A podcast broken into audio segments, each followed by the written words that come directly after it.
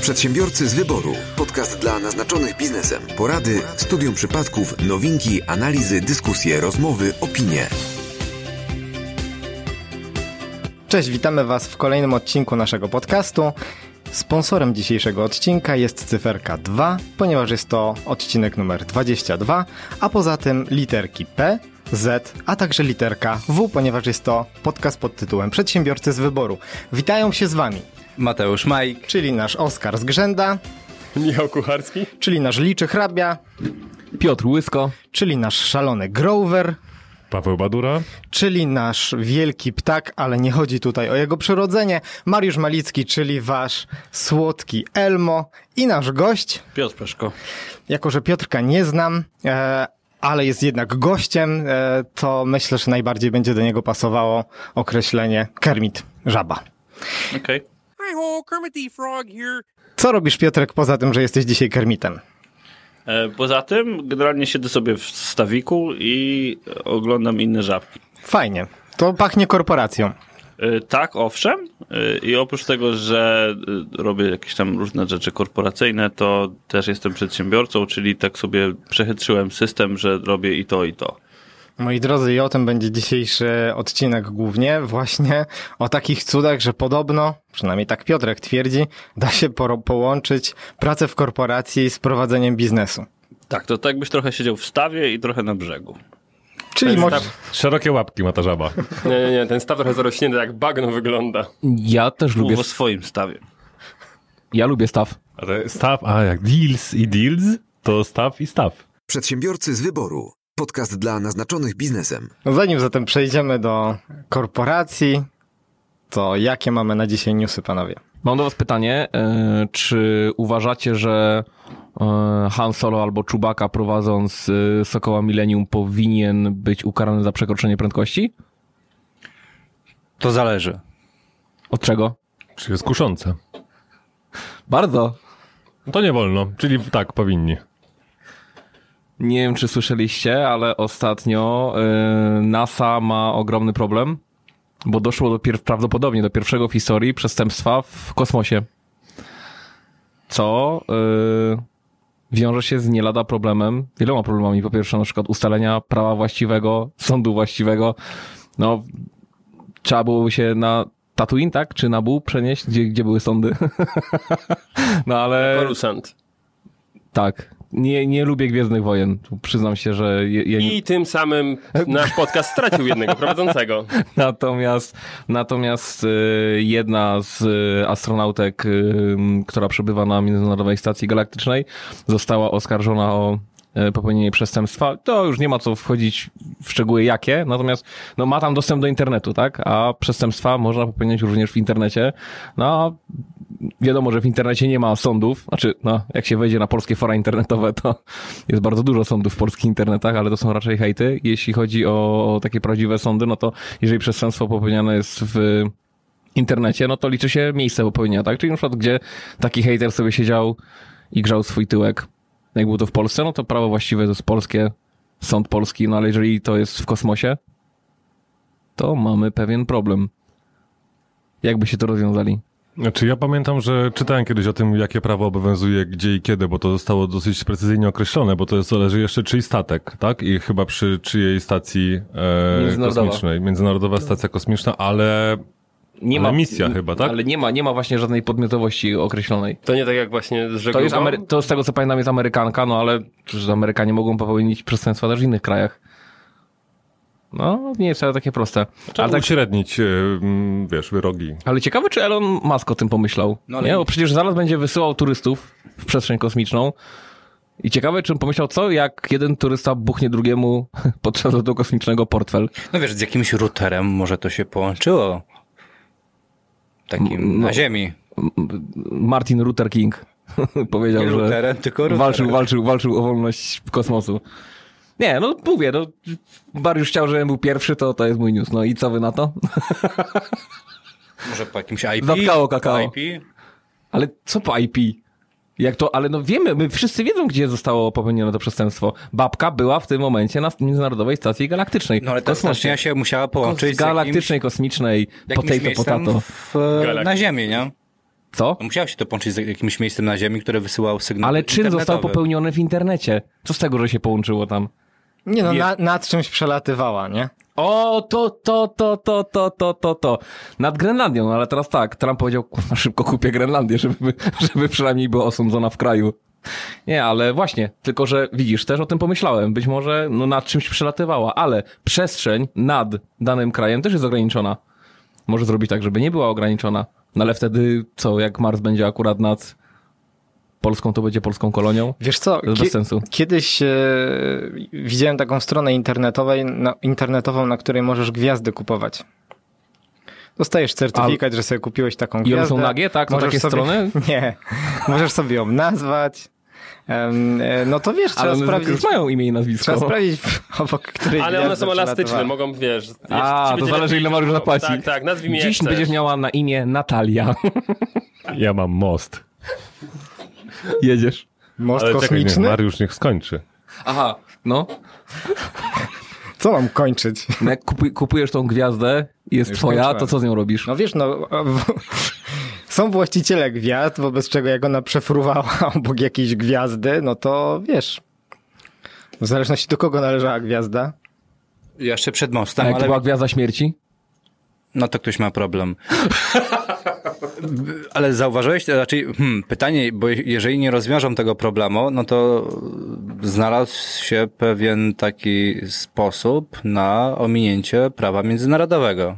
Wystarczy wylecieć w kosmos. No tak, i właśnie tak od razu pomyślałem, Po prostu, że nie? jak już polscy, polscy politycy na przykład już muszą popełniać jakieś przestępstwo, zajebiście, niech zrobią to w kosmosie. To będzie taka bezpieczna odległość od polskiej przedsiębiorczości. Na Plutonie. Przedsiębiorcy z wyboru. Podcast dla naznaczonych biznesem. Tak, ja mam most do tych gwiazd, które Mariusz y, kupuje w internecie, bo Mariusz nie wie, że w internecie porno jest za darmo. I... Ale jak już chcecie oglądać porno za darmo w internecie... Nie... Czekaj, czekaj, czekaj, czekaj, bo ja mam jeszcze jeden most, ale zaraz przejdziemy teraz do mojego i potem wrócimy do swojego. Nie wiem, czy widzieliście, ale ostatnio jakiś, jak na, na profilu oficjalnym Netflixa jakiś użytkownik napisał, czy ktoś ma jakiś sposób, żeby oglądać Netflixa za darmo i odpisał mu sam Netflix i, i napisał, no jeżeli ktoś znajdzie, to oni też są chętni, żeby wiedzieć. Tak, Netflix y, króluje w internecie, jeśli chodzi o cięte riposty. Nie jak Mariusz. E, no, ale jak już y, nie chcecie być jak Mariusz i nie chcecie płacić za gwiazdy w, w, z internetu, to możecie sobie, y, oglądając już e, porno na serwisie Pornhub, e, pomóc naszej planecie, bo w danej kategorii, nie pamiętam jak ona się nazywa, nie, nie, nie czytałem tutaj, e, w tym miesiącu, który mam teraz otwarty, ale za każde 100 otworzeń e, wideo z danej kategorii Pornhub posadzi jedno drzewo, więc możemy dbać o planetę naszą również nawet jedną ręką. Jak zasadzić drzewo jedną ręką? O, proszę bardzo. A nie wiem, czy jeszcze tak widzieliście przy okazji tego, bo to były w ten sam dzień podane y, newsy na, na Pornhubie, na YouTubie była, jest, jest premiera najbrudniejszego porno na świecie.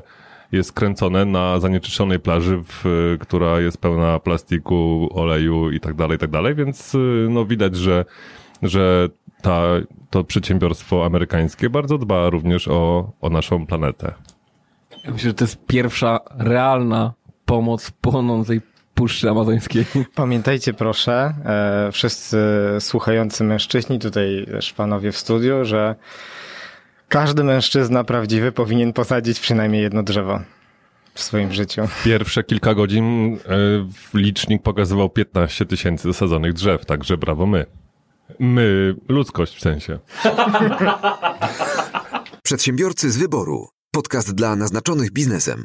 Nasza audycja ma taki często lekki, humorystyczny nawet charakter, więc no nie spodziewałem się, że będziemy na jej em, antenie komentować sprawy takie dość smutne, przyziemne, jak na przykład budżet e, państwa. No ale jednak. Budżet na 2020 rok jest takim żartem, że idealnie wpisuje się w, myślę, tematykę naszego e, podcastu. Nie wiem, czy wiecie, że w 2020 roku pierwszy raz w historii wolnej Polski od 1989 roku nie będziemy mieli deficytu budżetowego. Nie, nie, nie, nie, nie, nie. Rząd zapowiada, że nie będzie deficytu budżetowego. To są dwie różne rzeczy. A nie jest tak, że po prostu go zabroni? No oczywiście, że tak. Przecież to jest mój stary sposób sprawdzony, który ja promuję, tak? Jeżeli nie chcesz mieć biedy w kraju, piszesz ustawę, nie ma biedy, tak? Jeżeli nie ma być dziury budżetowej, no to będzie, na przykład dziury budżetowej nie ma. No i już. To jest, to jest, nie wiem ile oni mogą myśleć o tym. Poza tym, e, to o czym ty mówisz, ale już tak z- zupełnie poważnie, ma e, charakter czysto i, ty, ty, tylko i wyłącznie Księgowy. księgowy. Oczywiście. To jest absurdalne i bez sensu, ale oczywiście fama poszła i już, już na, nawet spotykam się, że ludzie mocno wykształceni w kierunkach ekonomicznych cieszą się, że od przyszłego roku nie będzie dziury budżetowej. I naprawdę liczba moich znajomych w różnych social mediach drastycznie się zmniejszyła. Tutaj dwie rzeczy należy poruszyć. Pierwsze, dlaczego tej dziury według e, rządu nie będzie. Drugie, e, sytuacja na, u naszego zachodniego sąsiada. Ale do za, zachodniego sąsiada dojdziemy. Najpierw, dlaczego tej dziury nie będzie. E, wiecie skąd ma po ws- 5 miliardów do budżetu dojść między innymi? Bo mm, b- mm, dziura budżetowa, tak, deficyt e, co roku to jest około 25 miliardów dolarów, miliardów złotych. To są takie sumy, które no powiedzmy mm, nie, nie przerażały. Nie, w- nie wchodźmy tutaj w rozmowy ekonomiczne, czy to dobrze, czy źle, że taki deficyt był, ale fakt, że to jest taki, taki, taki budżet, powie, mm, taka dziura powiedzmy standardowa dla naszego budżetu co roku. A Zbykowego. nie. Ja wiem, ja wiem, ja, ja, ja, Jak ja, ja. na akcyzę na alkohol. Mm, e, tak będzie podniesienie alkoholu na akcyzę, ale to nie to. to nie Niech zgadnę, najlepiej zarabiający przedsiębiorcy zapłacą. Tak. Pewnie nie będzie już limitu składek. Składek ZUS-u. E, jest wycofana. Dobrze, to teraz najpierw stan, fakt, stan e, jaki był wcześniej. Do tej pory, jeśli ktoś zarabiał naprawdę doskonale, powyżej 100 tysięcy złotych tam grubo, to był zwolniony w pewnym momencie z opłacania składek ZUS-owskich. Ale to mówisz miesięcznie, bardzo dobrze. Tak, tak, tak, miesięcznie, miesięcznie, nie rocznie, naprawdę miesięcznie. E, I ktoś stwierdzi, o, ale jak to, przecież jak ktoś tak zarabia, no to co, nie stać go na ten ZUS? E, I tam jakaś logika może w tym jest. Tylko, że tu była troszkę głębsza logika, bo, Głębsza logika. bo mm, może tą osobę spokojnie byłoby stać na to, żeby odpalić tam e, tysiąc, dwa tysiące złotych ZUS-u, ale Po co? Po co? Oczywiście, że po co, ale nas, jako państwo, nie stać by było, żeby wypłacać tej osobie emerytury. I tutaj ustawodawca kiedyś wyszedł z takiego bardzo mądrego założenia, że jeśli ktoś zarabia naprawdę tak gigantyczne pieniądze, no bo jak łatwo przeliczyć, to jest grubo ponad milion w ciągu e, roku, no to właściwie ta osoba potrafi sama zadbać o swoją emeryturę i my jako państwo, tak, czyli Zakład Ubezpieczeń Społecznych, nie musimy dokładać do jej emerytury. I to było takie, takie ograniczenie, żeby nie poszło to w drugą stronę, o której kiedyś rozmawialiśmy, że państwo będzie wypłacało emerytury rzędu 10, 20 albo i więcej tysięcy złotych, prawda?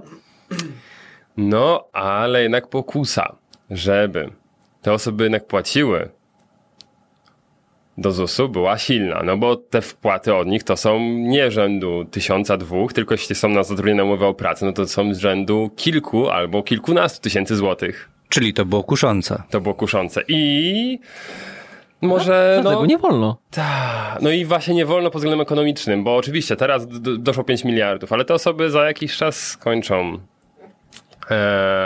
wiek emerytalny, przyspieszony. popłacą jeszcze z dwie kadencje i będzie zabronione. A potem będzie elegancko. Oni za, za, za dobrych lekarzy mają, prawda? I 30 lat będą sobie odbierali emeryturę albo i dłużej. naprawdę gigantyczną. albo właśnie nie wiem, chodzi o to, że państwo powie, że pomyliliśmy się, bo to jednak było kuszące, jak jest kuszące to nie wolno, więc jednak nie będzie tych emerytur, a tamto, że wpłaciliście to już sorry. Chyba, że wiedzą, że ZUS faktycznie się kończy. I zanim dojdą, Kto tego nie wie? może oni. Oni jeszcze nie wiedzą. Ps, e, rządzący, ZUS się kończy. E, Nie mówcie nikomu. Przedsiębiorcy z wyboru. Podcast dla naznaczonych biznesem. E, To ja mam taki news, który się z tym łączy. News mam taki, który e, sprawdziłem sam, będąc ostatnio w Estonii i miałem przyjemność e, posłuchać o tym, jak wygląda cały system e-Estonia przez kilka godzin. E, Opadły mi różne rzeczy, e, jak posłuchałem tego. I co jest ciekawe, dla, z naszej perspektywy można aplikować coś takiego, co się nazywa e-residency tam. Czyli za 100 euro można dostać jakby taką elektroniczną rezydencję w Estonii i można założyć działalność gospodarczą w Estonii. Kosztuje to dodatkowe 200 euro jednorazowo, czyli mamy jakby tam 300 euro, mamy e, dostęp do ich systemów tych do podpisywania umów, a że oni są w Unii Europejskiej, to możemy sobie podpisywać te umowy elektroniczne, dostajemy elektroniczny dowód, czytnik do tego i tak dalej, i tak dalej, czyli jakby możemy korzystać z e, Oczywiście nie ze wszystkich, tak jak obywatele, ale z tych rzeczy, które są związane fir z firmami, możemy tam korzystać. no Czyli nie? to jest dużo tańsze niż Adobe Sign. E, Tak, owszem. I, ale co jest jeszcze ciekawe, to kiedy pytałem o to, jak wygląda kwestia podatkowa i bankowa i tak dalej, to mówił, no tak, no, no konto bankowe możesz sobie założyć, musisz się jednak w Estonii pojawić, bank musi cię zobaczyć, żeby założyć ci konto, e, bo nie jesteś obywatelem, jakby, więc musi cię bank zobaczyć i to jest jakby okej. Revolut ewentualnie. Tak, można Revolut, nie ma, nie ma pro problemu, ale oni też jakby, żeby powiązać to z firmą, jest w ogóle wszystko spoko. I ja oczywiście zapytałem o to, jak wygląda kwestia podatkowa, ubezpieczeniowa i tak dalej. Oni mówią, no w zasadzie dopóki, dopóki płacisz podatki tam, gdzie jesteś, że tak powiem, zarejestrowany, i, i spoko. I mówię, no dobra, ale jak założę sobie tutaj konto, będę miał kartę kredytową i, i tak dalej, i tak dalej. I mówię, no to, no to jak to będzie wyglądało, jak będę sobie płacił waszą kartę kredytową? No tutaj obowiązują oczywiście ogólne przepisy prawa międzynarodowego. Taką odpowiedź dostałem, więc y, jakby, czyli płacisz podatki tam, gdzie zarabiasz. Nie? I tam, no dobra, ale przecież Polska długo nie będzie wiedziała, że ma firmę w Estonii, no nie? No, no to my w takie rzeczy to nie możemy doradzać, no bo to była oficjalna agenda rządowa, której ja pytałem, no nie? Więc jakby to jest ciekawa opcja pod względem posiadania firmy, no nie? Jeden problem tylko widzę. Bo jasne, oczywiście masz 100% racji, że Polska długo, ach, może się nigdy nie dowiedzieć, że, tam, że, że w Estonii Polacy prowadzą biznes, ale jak już się dowiedzą... Co innego, jakby ktoś o tym powiedział, nie wiem, na antenie, na antenie przed podcastu. Nie, no to masakra. Ale, ale problem polega na tym, że organy polskie ZUS-owskie Aha. na przykład potem naliczą ci wstecz 5 lat, nie? Czyli na przykład ktoś, kto- komuś kto dałoby się 5 lat przekitrać w Estonii i wpadłby w jakiś tam sposób, albo y, Niełaskę budżetową. wpadłby w niełaskę budżetową tak zwaną, no to, y, no to ma przekichane 5 lat wstecz, nie? W Polsce. Ty, ty, jeżeli wiesz, jeżeli prowadzi firmę 10 lat, to jakby może No wyjdzie właśnie. na zero, nie?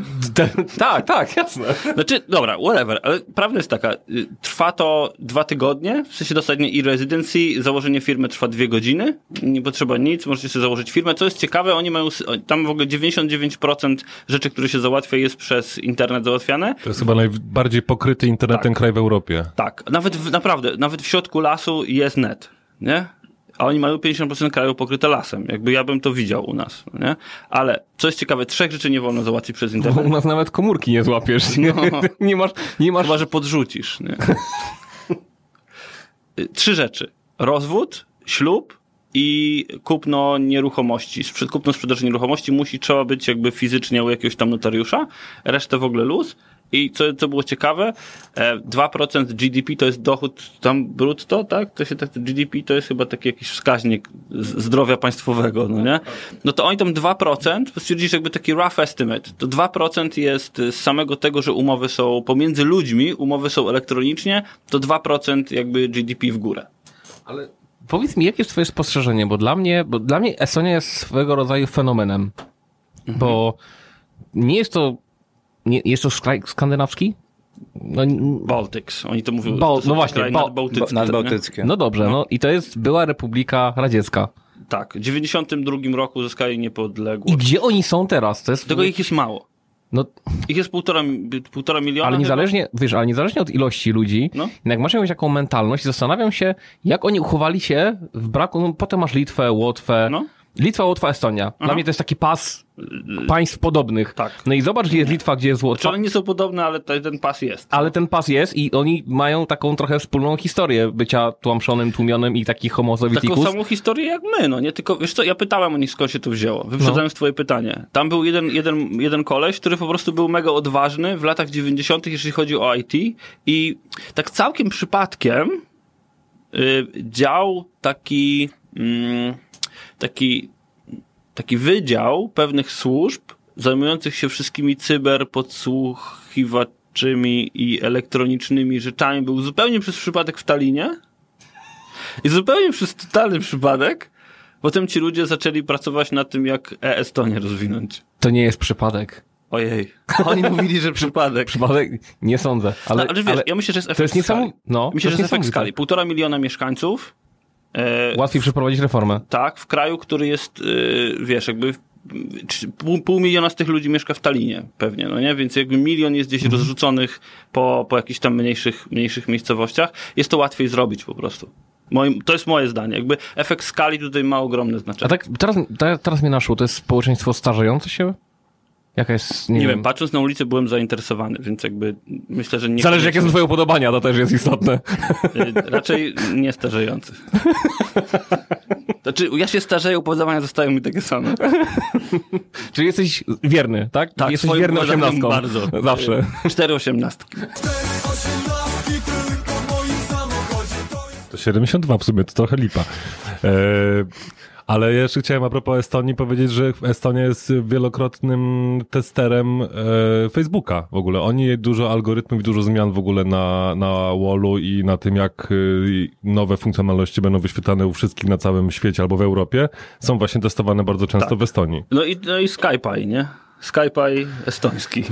Więc, y, znaczy, ja myślę, że też, jak, jak z nimi rozmawiałem, to była taka grupa ludzi, którzy jakby promują tą ten Estonia i tak dalej. On Mówił, że co jest ciekawe, oni są za małym krajem, żeby robić produkt lokalny. No nie? My w Polsce mamy przekleństwo lokalnego produktu, nie? Przykład taki podcast... y, Ale my dla- też jesteśmy za mali, żeby robić produkt lokalny. Tak, ale taki na przykład podcast, y, nie wiem, przedsiębiorcy z wyboru i ludzie mówią po polsku, więc nikt ich nie rozumie, no nie, oprócz Polski. Nie, jakbyśmy robili, a na przykład w Estonii to mogłoby w ogóle nie mieć sensu, bo jeszcze mniej ludzi by tego słuchało. No nie, więc w zasadzie robiliby to sami dla siebie. Nie? I jak, jak myślę o tym, że Mieliby tyle samo frajdy, co my tutaj. znaczy myślę, myślę, że tak, no nie, ale jak, wiesz, jak patrzymy z perspektywy nie wiem, startupu, to oni od razu myślą, żeby zrobić go po angielsku, zaczynają od robienia go po angielsku i globalnie, bo wiedzą, że lokalnie nie ma sensu. Nie? Wracając do e-residency, spoko jest to, że możesz zrobić sobie firmę, możesz startować w przetargach estońskich no, na takich samych warunkach, jak firmy, jak firmy rodzime, i nie ma żadnego problemu, żeby świadczyć usługi na tym rynku i tak dalej, i tak dalej. Oni w ten sposób powiększa, mają problem z tym, że mają małe społeczeństwo. Powiększają sobie społeczeństwo w taki e-sposób. Nie głupia rzecz. Wracając do efektu skali, to doskonale widać też na naszym e, lokalnym rynku. Jaworzno. Miasto, no, które jest e, bardzo blisko metropo- metro, metropolii. I z miasto granicząc z I Estonią. spójrzmy na... W e-sposób. Ale słyszałeś e, o Jaworznie taki żart? Że sukces jest jak góra lodowa. Nie znajdziesz tego w Jaworznie. To ciekawe, co mówisz, bo spoglądając na choćby taki drobny... Nie, to był wycinek- innym mieście, ja tego przerobiłem Tak, teraz, żeby tak, ci dokuczyć. Tak, no to właśnie, no, zupełnie bez sensu, było- generalnie jak większość twoich newsów. To byłoby Tomiu. A swoją Bytom, Radom. podchwycili, oj, bardzo podchwycili temat Bytomia. Wracając do Jaworzna... Cyganie wyszli na ulicę. Tak, A wracając do Jaworzna i spoglądając na pewien drobny wycinek komunikację miejską. Mamy no już teraz e, Metropolię, która tutaj e, zreformowała KZK GOP. Jak się teraz nazywa KZK GOP po reformie? MZ... HWDP? No, coś w tym stylu. E, Takie różowe. I parę lat temu GOP było, wiecie, XXI wiek, że wprowadzamy tam elektroniczne bilety na kartach, że w ogóle będzie wszystko w autobusach super i tak dalej. PKM Jaworzno, jak ja jeszcze chodziłem do liceum, to będzie kilkanaście, ponad 15 lat temu już, tak? No, to yy, tam elektroniczne bilety, chwilę później internet w autobusie, yy, śledzenie przez komórkę autobusów, no rzeczy, które teraz są wprowadzane w mm, całej konurbacji śląskiej, tak? Ale dlaczego? No bo tam było po prostu małe miasto, które nie było częścią tego systemu, więc sobie mogli po prostu wprowadzić tego typu rzeczy. Najfajniejsze było to, że ich autobusy jeździły też po miastach konurbacji, więc da, można było z tego korzystać tylko z, z, od nich. Ale wracając mostem teraz do naszych spraw budżetowych. Niemcy. Nie wiem, czy wiecie, bo jak mówiliśmy o budżecie, Niemcy w tym roku przypuszczalnie zaliczą szósty rok z rzędu nadwyżkę budżetową. Myślicie, że się cieszą? Ja myślę, że płaczą. Płaczą. Bo wskazują mocno, że to wynika, że to jest przypuszczalnie wynik recesji, u nich, jak oni to ładnie nazywają, technologicznej, no ogólnie mają problemy na rynku pracy i za bardzo nie mają co zrobić z tymi pieniędzmi. W sensie może by mieli, żeby wypłacić sobie um, jakieś, e, jakieś premie, ale to mogło być społecznie akceptowalne. I szósty rok z rzędu zaliczają nadwyżkę budżetową i się bardzo mocno głowią, jak to zrobić, żeby jednak jej nie było, żeby ją wpompować w gospodarkę jak najrozsądniej. I takie problemy mają szósty rok z rzędu. Ale ja co chwilę w internecie, szczególnie na Otomoto i na Moto Allegro i tak dalej widzę, że Niemcy bardzo często płaczą, jak sprzedają. Przedsiębiorcy z wyboru. Podcast dla naznaczonych biznesem. To ja mam pewną historię, która mi się ostatnio przytrafiła. Być może części z Was się ona też przytrafia. Mam, mam przynajmniej taką nadzieję, że nie będę tutaj osamotniony. Czy chodzi o El Condor Pasa? No, Czy, czy ty Zaciąłeś się zamkiem? przedsiębiorcy po hiszpańsku? si. E, Si, Cinco de Mayo. jestem w restauracji, Ale no, musiał się pochwalić, musiał. To musiał. zdarza, zdarza mi się też. bardzo no. dobre jedzenie. Jestem w bardzo drogiej restauracji. To tak, bo w domyśle oczywiście. No i mi, miło, miło spędzaliśmy czas z żoną. No Bo i to była bardzo miła restauracja. A to była się- to bardzo nie miła zdarza. restauracja. Zobaczcie, jak podkreślił, że z żoną. Nie zdarza ci się z jego żoną miło spędzać czas w restauracji? Nie. To dobrze w sumie. Też się cieszę. I jak to zwykle bywa w restauracjach, przyszedł czas na płatność. Żona zapłaciła? Docelowo tak. Ale, Wyszedłeś do toalety, tak? Rozumiem wtedy. no właśnie żona poszła do toalety i stwierdziłem, okej, no to się rozliczę już i, i pójdziemy dalej. No i jak to, ja zbliżyłem sobie telefon do terminala płatniczego, przyłożyłem kciuka i mówię, super, zajebiście. Płatność przeszła, bo oczywiście byłem pewny, że środki na koncie są. I pan takim przemiłym głosem mi mówi, poproszę PIN. A ja sobie pomyślałem, o kur... Ja mam problem taki, że od no, dłuższego czasu, jak y, weszła ta płatność elektroniczna, sobie walleta zainstalowałem. Nie wpisałeś pinu. Nie, zapomniałem. Po prostu w związku z tym, że od ponad roku czasu nie używałem tego PIN-u, bo w większości ja prowadzę płatności właśnie za pomocą komórki, po prostu zapomniałem. Mówię, o kurczę, nie? zimny pot się pojawił na czole. Mówię, hmm, prawdopodobnie był taki. Raz wpisałem, drugi raz wpisałem. Mówię, dobra, trzeci raz nie wpisuję, bo zablokuję sobie konto, nie chce mi się biegać do banku. No i to tak jak Michał wspomniał, żona w związku z tym, że ona nosi gotówkę, ja jestem E bardziej, no to zapłaciła, tak? E, dlaczego o tym mówię? Mogłeś fakturkę na przelew od razu. No, chyba by się nie do końca zgodzili. Yy, Mówię o tym, ponieważ ten problem będzie się pojawiał najprawdopodobniej częściej w związku ze zmianą przepisów. E, 14 września e, wchodzą nowe przepisy unijne dotyczące e, płatności elektronicznych i wszelkiego rodzaju PIN, wszelkiego rodzaju potwierdzenia, bardzo często podwójna, można powiedzieć, podwó- podwójna tutaj e, ochrona, która się będzie pojawiała, no pojawi się. Przykładowo, kilka razy zapłacimy kartą e, zbliżeniową, będzie trzeba wpisać PIN. Dla mnie to jest knockout, bo ja takich rzeczy nie pamiętam. Ale to ci nigdy karty zbliżeniowej nie ukradli chyba. Możliwe, tak? Na To jest właśnie to jest dlatego zrobione, bo to ma być limit, albo jeszcze myślą chyba, że albo z 50, albo 100 zł limitu dziennego płatności Ale zbliżeniowej. ja kart nie używam. Ja używam teraz tylko i wyłącznie telefonu. Ja już nie pamiętam, kiedy używałem w ogóle kartę, tak? Odkąd, tak jak mówię, można było połączyć e, kilka już banków, a ich jest coraz więcej e, za pomocą właśnie walleta, no to ja już karty nie, ja nawet nie wiem, jak ona wygląda, szczerze powiedziawszy. I jak usłyszałem, że tego typu przepisy jak, wchodzą w jak życie... nie wiesz, jak wygląda karta? Pięć minut przed wejściem na antenę e, robiłeś takie dwie ścieżki tą kartą i nie wiesz, jak ona wygląda? To było prawo jazdy. To była karta z makro. To nie było prawo jazdy, przecież zabra, zabrali mu rok temu, to co mówisz, że to było prawo jazdy. To była karta z makro. No, no i dl- dlaczego o tym mówię? Po pierwsze, e, żeby w ogóle e, osoby były świadome, że tego typu przepisy wchodzą w grę, bo bardzo duża ilość banków jeszcze nie informuje o tym, że, że będą e, wprowadzali tego typu dyrektywę. A dwa, bardziej do was z pytaniem, jak rozwiązać swój problem, bo raczej ja nie będę pamiętał tych pinów. No i czy jest jakiś, jakiś sposób na to jednak, żeby... Niektórzy wydrapują na bankomacie. To, Też słyszałem. wiesz co, ja, ja powiem ci z perspektywy security, bo to jest część mojego życia, tak wiesz, trochę taka paranoja z profesji, e, to, to jest jakby, istotne jest e, w tej autentykacji e, trzy rzeczy. To, to, co masz, to, co wiesz i to, czym jesteś. No? To są takie trzy faktory, które mogą cię autentykować. No? I to niekoniecznie musi być PIN, to może być...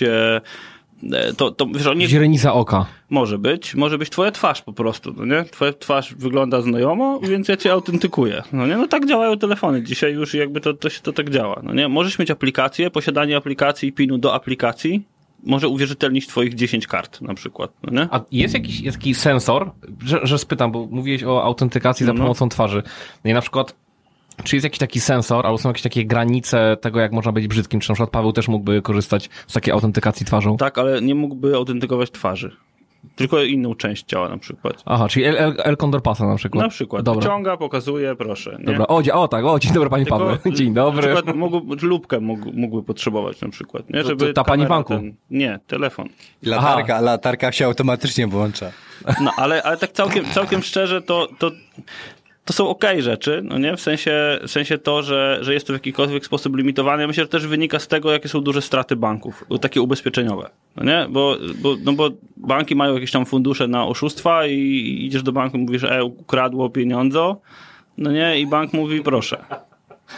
Ale i- to jest, i to jest okej, no nie? Y, Teraz kwestie, moim zdaniem najfajniejsza opcja to jest autentykacja, w sensie biometryczna, nie? Twarz, odcisk palca i tak dalej, ale co jest też ciekawe, można zrobić autentykację na podstawie tego, jak pracujesz klawiaturą, albo jak na przykład poruszasz myszą na komputerze. To jest unikalna, unikalna rzecz. Czas pomiędzy wciśnięciem klawiszy, czas pomiędzy tym, jak długo trzymasz dany klawisz i tak dalej, to są rzeczy unikalne. Nawet jeżeli jedną ręką to robisz, to, to też może to być unikalne.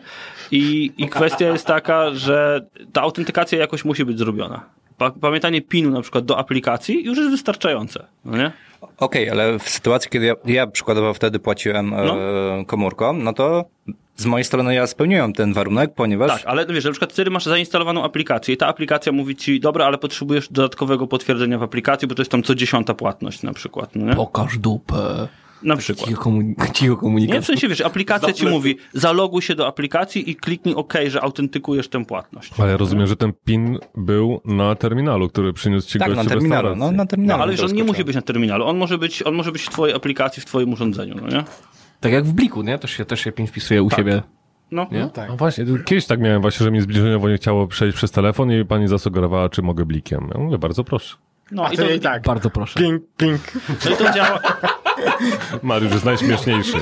Ale czy jeszcze jest, wiesz, kwestia, kwestia jest prosta. Moim zdaniem warto na przykład zapiąć sobie kartę kredytową, nie płacić kartą debetową, płacić kartą kredytową albo płacić jakimś prepaidem, takim, wiesz, revolutem albo, albo czymś takim. To akurat była karta kredytowa. I No, i kredytową spoko, bo wiesz, nie ryzykujesz swoich pieniędzy. Nawet jeżeli ktoś ci ukradnie, to nie ryzykujesz swoich pieniędzy, tylko w zasadzie pieniędzy banku. Ale Revolut y, w ogóle nie ma y, absolutnie możliwości PIN-u. Tak, bo jak, jakąkolwiek kwotę nie zapłacisz y, kartą, to Revolut nigdy nie, nie poprosi o PIN, nie? On ma wewnętrzną właśnie w aplikacji... Tak, ale nie możesz wygenerować PIN w Znaczy Revolucie możesz, karty. możesz, możesz, nie? Możesz. Ale do, do, domyślnie możesz go wyłączyć i on nigdy nie będzie Tak. dostępny. Ale nie wiem, czy zauważyliście, ale w niektórych parkomatach i niektórych automatach, maszynach vendingowych jest tak, że raz jest informacja, że nie będziesz pytany o PIN bez względu na kwotę. No tak, ale no ile możesz w maszynie vendingowej kupić? No, A propos e, Revoluta, to tam jest opcja tego, żeby potwierdzać w aplikacji transakcje, to też zamiast, zamiast PIN-u jest spoko. E, ale a propos tego, że to jest w pełni prepaidowe, nie dalej niż wczoraj z właśnie kolegami e, mieliśmy taki case, czy Revolut się sam zasili, gdy zacznie brakować tam kasy i wcześniej tego nie było. Wczoraj odkryłem, jest opcja automatyzacji. Gdy spada ci na koncie na przykład złotówkowym kwota poniżej określonej kwoty, to ona automatycznie sobie zasysa kwotę z twojej karty kredytowej, debetowej, Zło. którą masz podpiętą. Czyli właściwie jest przedłużeniem tej karty. No i w tym momencie już można przez niego właściwie bez limitu tą kasę ciągnąć, bo on sobie sam będzie dociągał ile potrzebuje. Więc w jednej chwili tam nie będzie dużo, ale jak się zautomatyzuje, no to właściwie ma dostęp do całego naszego konta. Tak, ale to wiesz, to, to jest to. To, co masz, to co wiesz. Tak? Czyli masz urządzenie, masz no, urządzenie z aplikacją, ale to co wiesz. Ty się musisz, zobacz, dwa razy musisz odblokować. Musisz odblokować telefon i musisz odblokować aplikację. Nie? Czyli to jest to, co wiesz. Jest dwustopniowe. I ja myślę, że to, no nie pójdziemy w kierunku tego, żeby było mniej takich zabezpieczeń. Raczej będzie ich więcej, ale będzie mniej do pamiętania. Nie? Bo możesz, wiesz, użyć LastPassa, jakieś tam, wiesz, czegoś, co ci będzie pamiętało hasła, piny i tak dalej. No nie? Albo położysz telefon na stole, włączysz kamerkę i odegrasz swój sekretny taniec. Na przykład. Nie no, to jest su- super sprawa, także dzięki też za, za podpowiedź. E, Też dla słuchaczy taka informacja, bo w kilku artykułach się z tym spotkałem, że troszeczkę porównują te zmiany przepisów do mm, wprowadzenia RODO w Polsce, że może się też pojawić pewnego rodzaju panika, a dwa, że się mogą pojawić na, naciągacze, tak? Czyli No, to jasne, nie? To osoby, które będą wysyłały nam różnego rodzaju maile, podtrzywaliły się pod bank, e, żeby Mhm. uwierzytelnić e, przelew i tak dalej, więc też uważajcie na to, od kogo dostajecie maila i bo no raczej tak. banki nie będą maila wysyłać z prośbą co, o nie PIN. wiem, ja, ja się, ja przynajmniej z banku, banku jak dostałem, jakieś, dostałem powiadomienie, jest informacja w centrum powiadomień, że idź sobie zobacz i to jest najlepsze, to, to jest najbardziej, że tak powiem, legitna informacja z banku. Idź do centrum powiadomień i przeczytaj, no nie? Bo to jest, wtedy jesteś w tym właściwym miejscu. Ale odnośnie RODO, to powiem wam, że kojarzycie taką aferę z FaceAppem jakiś czas temu, nie? Że tam się tam pomładzało, postarzało twarze i tak dalej, Tak, że tam tak. Ruski kradły, no nie, i w ogóle. To jest idealny przykład do tego, jak ktoś mówi, że RODO jest bez sensu. Ja Mówię, proszę bardzo, taka aplikacja na terenie Unii Europejskiej by się praktycznie nie, nie mogła pojawić, bo jakby można byłoby tę firmę po prostu pozwać o to, że nie, nie przestrzega e, GDPR. No nie? No bo nie moglibyśmy takiej aplikacji e, wdrożyć na terenie Unii Europejskiej, bo ona po prostu nie, prawnie była zabroniona. No nie? A teraz jakby możemy jedyne co powiedzieć to, że możesz z niej nie korzystać, bo jest niezgodna. No nie? Ale Paweł już tutaj dementował na antenie. Zgodna. Proszę? Jest zgodna. No, znaczy, no jasne, ale wiesz, jakby to, jak cały bas ten był, no nie, to jeżeli masz prawo, jeżeli masz prawo i masz punkt odniesienia, i ja myślę, że te punkty odniesienia są fajne, jeżeli masz aplikację, wiesz, i masz, masz takie, takie, takie zabezpieczenie mieć i punktem odniesienia jest prawo, no to jest cool, no nie? To jest tak jak właśnie, bo weźmy tej Estonii, tam punktem odniesienia było prawo. No nie, że na przykład jest prawo dostępu do internetu, każdy ma mieć dostęp do internetu, kropka, nie? I, i już, i nieważne. Piotrek, notuj, notuj, notuj te wszystkie, każdy ma mieć prawo do internetu. To za miesiąc będziemy tam, wiesz, walczyć. Ale y, odnośnie y, RODO tak pokrótce, bo w Polsce główny inspektor y, czy prezes Sanitarny. I epidemiologiczny. to by się przydało w wielu kwestiach. Nie, to akurat w Warszawie miał podobno ręce pełne roboty, Ja myślałem, że pełne wody. pełne porty. Ostatnio jeden z pracowników stwierdził, że nie może być przebadany na obecność alkoholu podczas pracy, bo to narusza RODO. Ale najgorsze jest to, że GIODO, czy UODO aktualnie, UODO, potwierdziło, że może mieć rację. jest tak absurdalne, no bo jak na podstawie ilości promili można zidentyfikować jakąś osobę? Znaczy, na pewno są takie osoby i znamy je. Że są tacy gracze, co Są wiesz, tacy- jakby... Tak, są tacy gracze, że jak ktoś powie 5 promili i jechał na rowerze, to od razu wiadomo, że chodzi o Wojtka z Siemianowic, nie? Ale, ale, ale oprócz niego myślę, że jest problem. No i to jest taka trochę, doszliśmy do takiej granicy, przekroczyliśmy już granicę paranoi RODO, że nie można, y, pracodawca za niedługo, niestety y, UODO powiedziało, że pracodawca nie może sprawdzić trzeźwości pracownika, bo to narusza y, przepisy RODO. Póki co, zobaczymy. No tam oczywiście walczą o to, żeby, żeby na podstawie półtorej promila w pracy jednak nie można było zidentyfikować, o kogo chodzi. Teraz coraz więcej osób się wykręca RODO. Też miałem taką sytuację.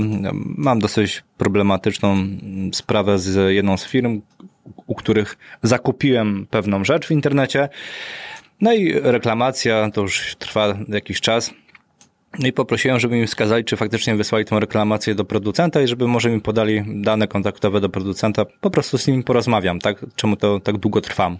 No i dostałem informację, nie możemy podać takich e, danych, ponieważ to jest RODO. Chwila, moment, To ale... już jest pierdolenie, naprawdę. Sorry, ale to już jest pierdolenie. No, No ale wiecie, to, też- to, to, też jest tak to- kwestia, to jest kwestia odpisy. Dobrze, to proszę zanonimizować dane do tego stopnia, żeby spełniały. I kropka. Nie no, ja wska- wskazałem, że jeżeli to jest adres firmowy i tym bardziej, że to jest jakiś adres oficjalny, mailowy, telefoniczny, to, to raczej te przepisy nie obowiązują. No już ta druga strona nie odpowiedziała, więc bezpośrednio się do producenta zwróciłem, no i teraz producent się buja z firmą, która sprzedaje e, ich e, artykuły. Ale to jest tak samo właśnie, no, sam fakt, że ten gościu poproszony o dmuchnięcie w alkomat powiedział, że to jest złamanie RODO, to znaczy, że był cyknięty, tak? Tak samo jak coś, coś trzeba mieć na sumieniu, żeby w ogóle to wymyśleć. Ale zaraz będzie tak jak w Stanach Zjednoczonych. Druga poprawka, druga poprawka, druga poprawka. No i chuja nic nie zrobisz. RODO, RODO, RODO, RODO. Przedsiębiorcy z wyboru. Podcast dla naznaczonych biznesem. Słuchajcie, w jednym z ostatnich odcinków rozmawialiśmy o MyTaxi która zmieniła nazwę na Free Now e, i tak trochę popłynęliśmy, jeżeli chodzi o genezę tego. Tak sobie wymyśliliśmy, że to pewnie dlatego, że w Polsce taksówki się źle kojarzą, więc może będziemy z tego rezygnować i tak dalej. Okazuje się, że to nie dlatego i nie tylko w Polsce, tylko w ogóle MyTaxi zmienia nazwę na FreeNow e, na całym świecie. E, a to ze względu na to, że Daimler, czyli właściciel Mercedesa i BMW połączyły siły e, w, i będą wspólnie świadczyć kilka usług, między innymi obszar wynajmu samochodów na minuty, czyli właśnie car sharing, czyli MyTaxi, które należało w 51, jeżeli się nie mylę, procentach do właśnie Daimlera. E, I teraz Free Now będzie oprócz taksówek e, również e, umożliwiało poruszanie się innymi pojazdami, czyli jakieś tam hulajnogi, skutery i tak dalej, i tak. Stąd po prostu ta zmiana nazwy, mimo że firmy zdają sobie sprawę z tego, że no jednak MyTaxi było znaną marką, no to dla przyszłych korzyści warto jak najszybciej jednak było dla nich zmienić tą nazwę. Oprócz tego będą też świadczyć usługi parkingowe, pla, e, wspólne plan, wspólnie będą planować niektóre pojazdy i tak dalej, czyli ogólnie sektor nazywa się rynku Mobility as a Service i, i tutaj będą e, działać wspólnie. I to też jest troszeczkę odpowiedź na, e, no, bo oni wskazują, że nadal, jeżeli chodzi o produkcję samochodów, czyli Mercedes i BMW nadal działają e, jako konkurencja.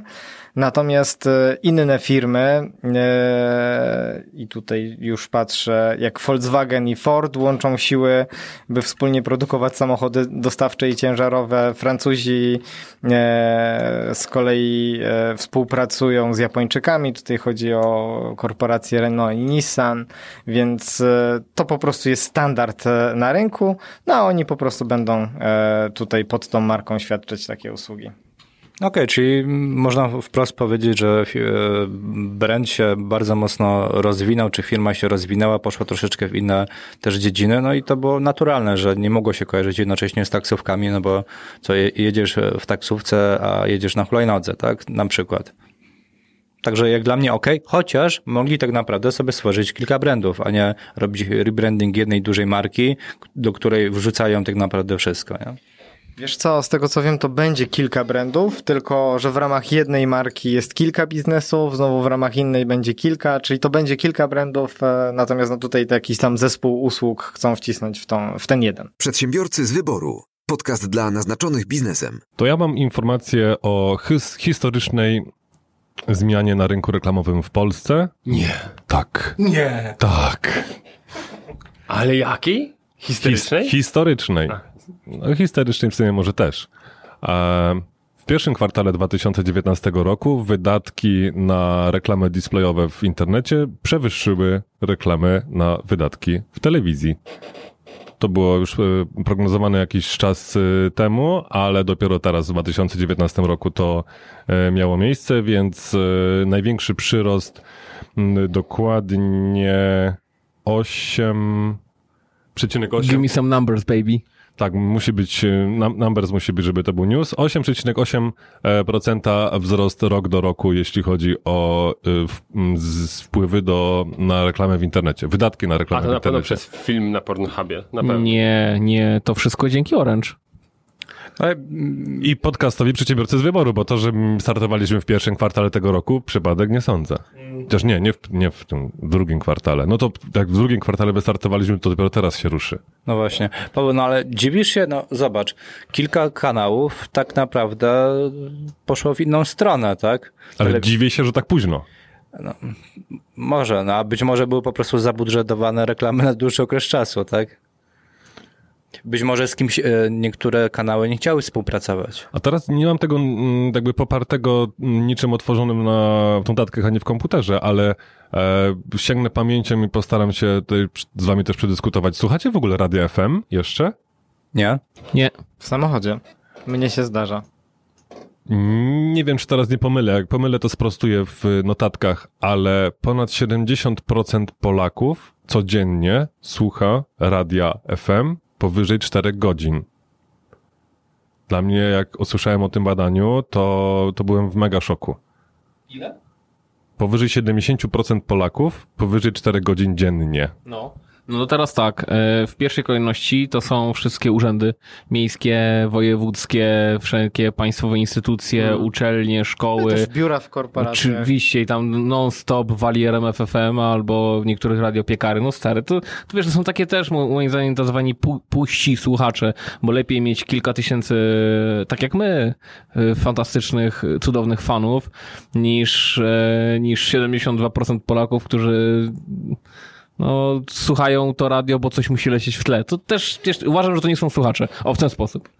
Mam dokładnie, już znalazłem tego newsa. 72,1%, y, czyli to jest 22 miliony Polaków pomiędzy 15 a 75 rokiem życia słucha radia FM codziennie i to średnio przez 4,5 godziny, czyli 268 minut. To ja e, jakby do tematu FM akurat e, podejdę jak e, Piotr.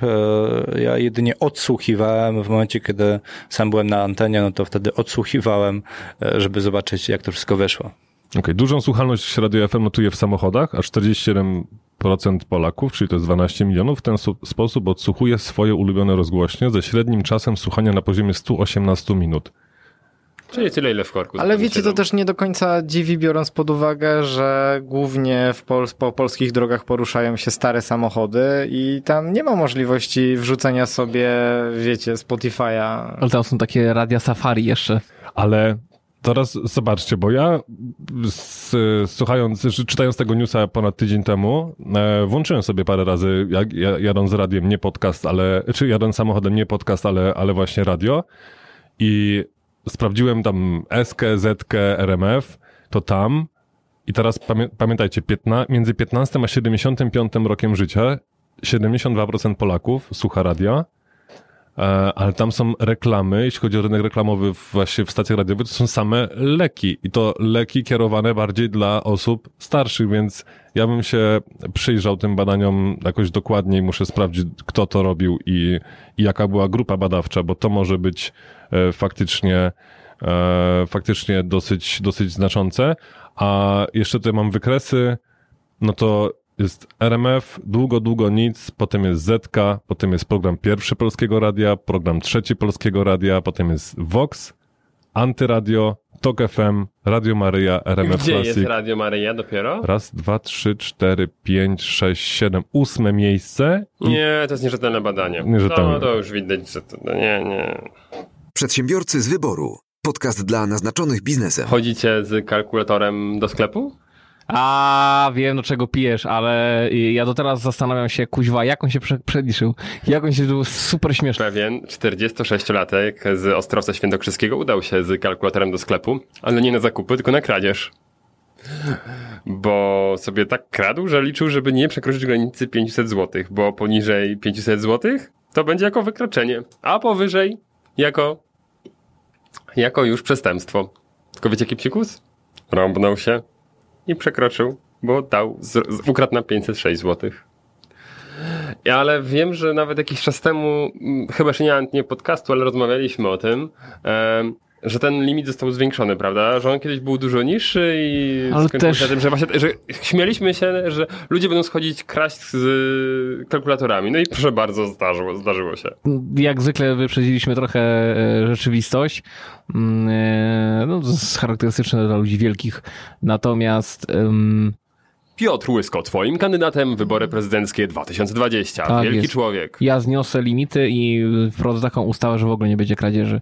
Ale mm, wiesz, to z tą kradzieżą też tak do końca nie jest, bo na przykład y, inaczej byłby oceniany przypadek gościa, który wchodzi do 10 sklepów po kolei i kradnie po 50 zł, no bo wiesz, są też jak yy, czyn ciągły, ciąg czynów, wiesz, to nie jest takie proste, a ktoś, kto bierze kalkulator, żeby nie przekroczyć granicy wykroczenia i przestępstwa, no to, to, to mam wrażenie, że tylko w Polsce takie rzeczy.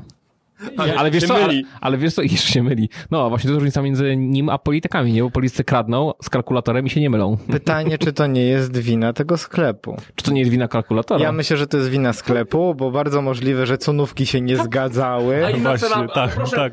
Proszę pana, Ja proszę pana, te jabłka kosztowały 2 złote, a nie 2,50. Ja myślę, że I ten teraz pan... po jeszcze wiesz, powinien zakupie- zgłosić to do Urzędu Dokładnie. Ochrony Klienta i Konsumenta. Dokładnie. I powinien teraz iść tam do tego sklepu, zweryfikować i powiedzieć jednak, no i co? Dziękuję bardzo. Bardzo, proszę, przepraszam bardzo, ale przy zakupie trzech soków miała być promocja 33% i nie liczyli mi jej państwo i jest tak, 499. Przy, przy zakupie tak, ale przy kradzieży już nie ma promocji.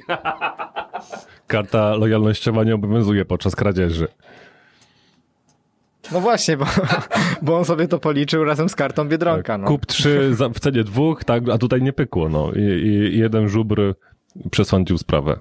Przedsiębiorcy z wyboru. Podcast dla naznaczonych biznesem. No to w takim razie przejdźmy teraz do e, głównego tematu naszego odcinka. Tutaj Piotr już się wyrywa, więc E, Mieliśmy takie zastrzeżenia od naszych słuchaczy, e, dlatego wprowadziliśmy takie mm, badanie. E, Słuchacze chcą mieć pewność, że nasz gość jest super śmieszny i super zabawny, więc, e, więc zadam to pytanie.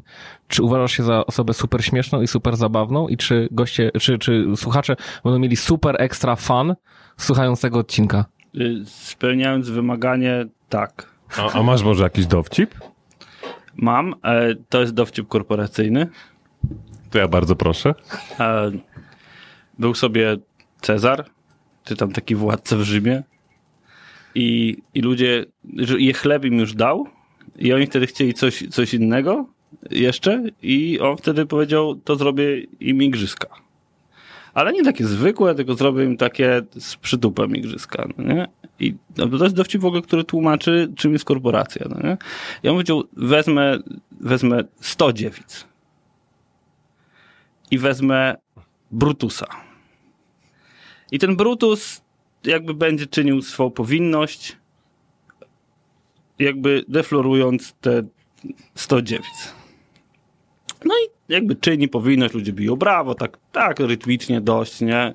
Biją brawo i, i on już tak 90 i tak traci rezon, no nie? Już tak czuje, że jednak już El Condor No patrz. No pasa. no pasa, no nie?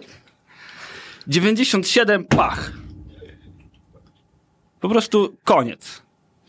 I teraz jest clue korporacyjny. Wszyscy, ale wszyscy z tych trybun Brutus pedał! No i tyle, nie? Więc generalnie chodzi o to, że Mnie są organizacje, są organizacje, w których nieważne jak bardzo się starasz, nieważne jak dużo wysiłku wkładasz, jakim jesteś herosem, bohaterem i kto cię zatrudniał, to możesz jakby nie do końca dowieść. No to już wszystko jasne z tymi korporacjami. Czy teraz to, spełnimy wymaganie? tak, jest, I popełnisz wtedy w niełaskę, tak? Popadniesz. W niełaskę ludu. to jest chyba gorzej niż niełaska trzech- budżetowa. Ale też tych trzech dziewic. No, shift happens. To jest taki żart informatyka. Shift happens. Tak. Nie, ja tłumaczę, tłumaczę tutaj gościom, bo na przykład Michał się. Michał się nie zaśmiał, o, doszło. Weszło soczyście. No ale znaczy, to jest taki oczywiście przesadzony żart korporacyjny. Nie, ale... Nie, to nie jest zadane żart korporacyjny. To jest, to jest bardzo delikatnie określone, czym jest korporacja. My tutaj, wiesz, czasami to też by można było porównać do takich róż, różnych śniadań, patrząc na korporację. Albo do testu przedsiębiorcy. Tak, właśnie też przedsiębiorcy w ogóle pomyślałem, że jadąc tutaj, myślałem, że w ogóle zajmując się y, szkoleniami online, learningiem i w ogóle, jestem w stanie przygotować wam test, tudzież quiz. Quiz, Quiz przedsiębiorcy. przedsiębiorcy. E, Możemy to przygotować, opublikować na stronie, jak będziecie mieć stronę. Czy macie stronę już? Nie, nie będziemy No mieć. to, to nie możemy opublikować. A to możemy na twoje opublikować. Możemy opublikować na moje, nie ma problemu, możemy go podlinkować, możemy stworzyć quiz przedsiębiorczy, pros- prosimy o nadsyłanie pytań i odpowiedzi. Ale to będzie taka, taki test, jak były kiedyś takie psychotesty w Tak. Brawo. Tak. I wtedy zostajesz, albo zostajesz Brutusem, albo nie. Albo pedałem. Czy ty zależy, jaki masz tam numerek na końcu, nie?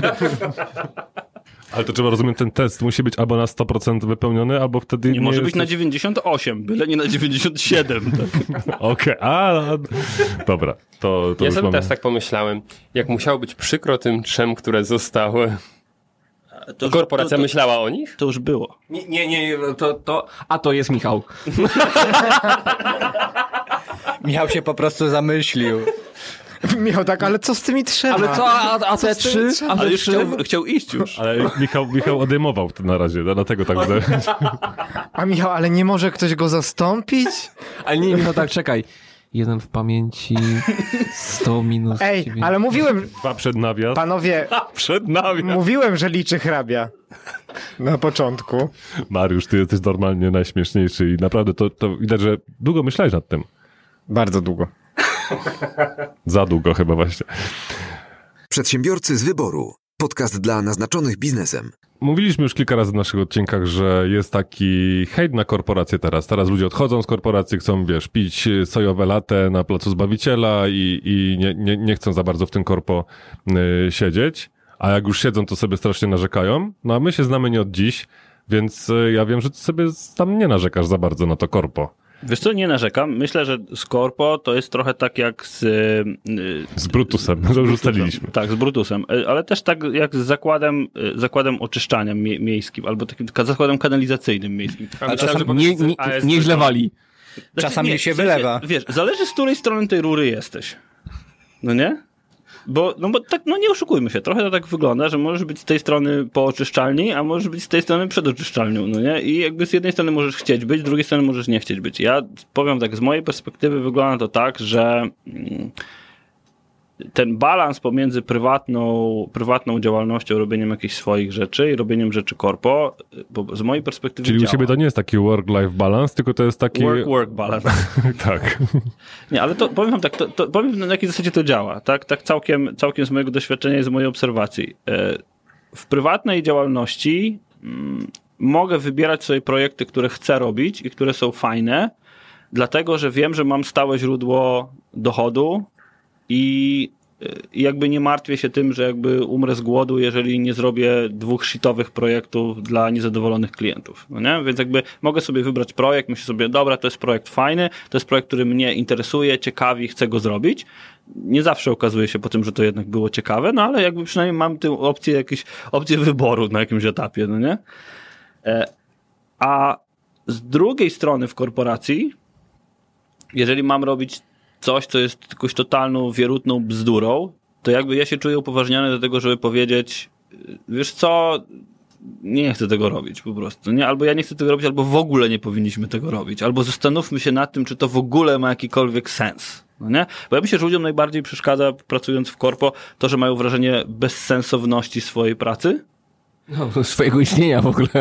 znaczy to już Często. jakby, jakby, jeżeli podważają swoje istnienie, to jakby jest kilka dróg na rozwiązanie tego sposobu, jakby te, tego problemu i jakby to są znane drogi i, i, i spoko, ale wiesz, jakby ten, posiadanie tego balansu, że z jednej strony wiem, że nie muszę robić wszystkiego tu, a z drugiej strony nie muszę robić wszystkiego tu, bo, bo spoko będę sobie jakoś funkcjonował i nie będzie z tym problemu, to daje ci też taką pewność, która, która sprawia, że po prostu dobrze możesz działać. Nie? No tak, tylko to, o czym ty powiedziałeś, to nie ukrywając, trzeba mieć silną osobowość, nie? Żeby bezpośrednio pracując w korporacji powiedzieć, słuchajcie, ale to jest bez sensu. Wiesz co, z jednej strony tak, a z drugiej strony y, ja na przykład pracując z różnymi, różnymi kulturami, ludźmi pochodzącymi z różnych krajów, zauważam, że na przykład, y, że, że jest, nie wiem, pracuję dużo z ludźmi, którzy są, nie wiem, z Niemiec, nie? No i oni na przykład nie mają problemu z tym, żeby ci powiedzieć, ej, to, to, to i to nie działa, zastanówmy się nad tym, jak to naprawić. No nie? Albo to, to, to i to jest bez sensu. Albo, że, że pewnych rzeczy nie powinniśmy robić. No nie? No i to jest jakby okej. I To, to jest jakby okej. My trochę w Polsce, to nie wiem, czy my w Polsce, czy tylko w Polsce, czy, czy w innych krajach również, ale trochę tak mówimy, a no, pan dał, dobrze, że nie zabił, to ja jednak będę robił to, co on chce. No nie? A niekoniecznie to jest dobry sposób. tak no I odkręcasz śrubkę z prawej i przeklęcasz ją na lewą, tak? Tak, trochę, trochę funkcjonujemy w takim, a dobrze, płacą, to ja będę tam cicho siedział. No nie? I to jest, to jest jeden problem, który ja obserwuję. Drugi problem, który obserwuję, to jest to, że ludzie nie myślą, jakby korporacja jako taka, to jest y, przedsiębiorstwo, które służy temu, żeby maksymalizować swoje zyski. Kropka. Nie? One, te, i, I już. Nie? I on jakby nie, nie, nie jest szczególnie zainteresowany tym, że jejku, od zawsze, wiesz, robiliśmy telefony komórkowe w takiej małej firmie, co robiła jakieś telefony komórkowe, też miałem kiedyś przyjemność pracować e, i, i on, że robiliśmy telefony komórkowe, to do śmierci musimy robić telefony komórkowe. Nie, my musimy zarabiać pieniądze, bo jesteśmy po to, żeby zarabiać pieniądze. Nie? I jeżeli ludzie zac- zaczną w tej małej organizacji nawet myśleć o tym, co jest efektywne, na czym oszczędzają i, i zaczną myśleć pieniędzmi, to zaczną podejmować zupełnie inne decyzje. A ludzie nie myślą o pieniędzy, myślą o jakimś, wiesz, KPI-ami, targetami, jakimś tam, to panie, mają takie, takie rzeczy musimy zrobić, vision, mission, wiesz, jak, I 109. tak, i stoi, a i przy 63, no czy to ma sens, nie? Ale y, jedno mam pytanie, bo z, punktu, z prawnego punktu widzenia zaciekawiło mnie to, bo bardzo często w korporacjach jest y, albo zakaz konkurencji, albo wprost powiedziano, że nie możesz robić nic oprócz pracy dla nas. E, czy twoja korporacja wie, że masz biznesy poboczne? Tak. Czy nie masz żadnego postanowienia o zakazie konkurencji i nikt nie ma z tym problemu? Wiesz, mam, mam, zakaz, mam zakaz konkurencji. Konkuren- tak, sensu stricto konkurencji. konkurencji, tak? Mhm, Ale zakaz konkurencji znaczy, że musiałbym, nie wiem, pierdolnąć sobie statek, no nie?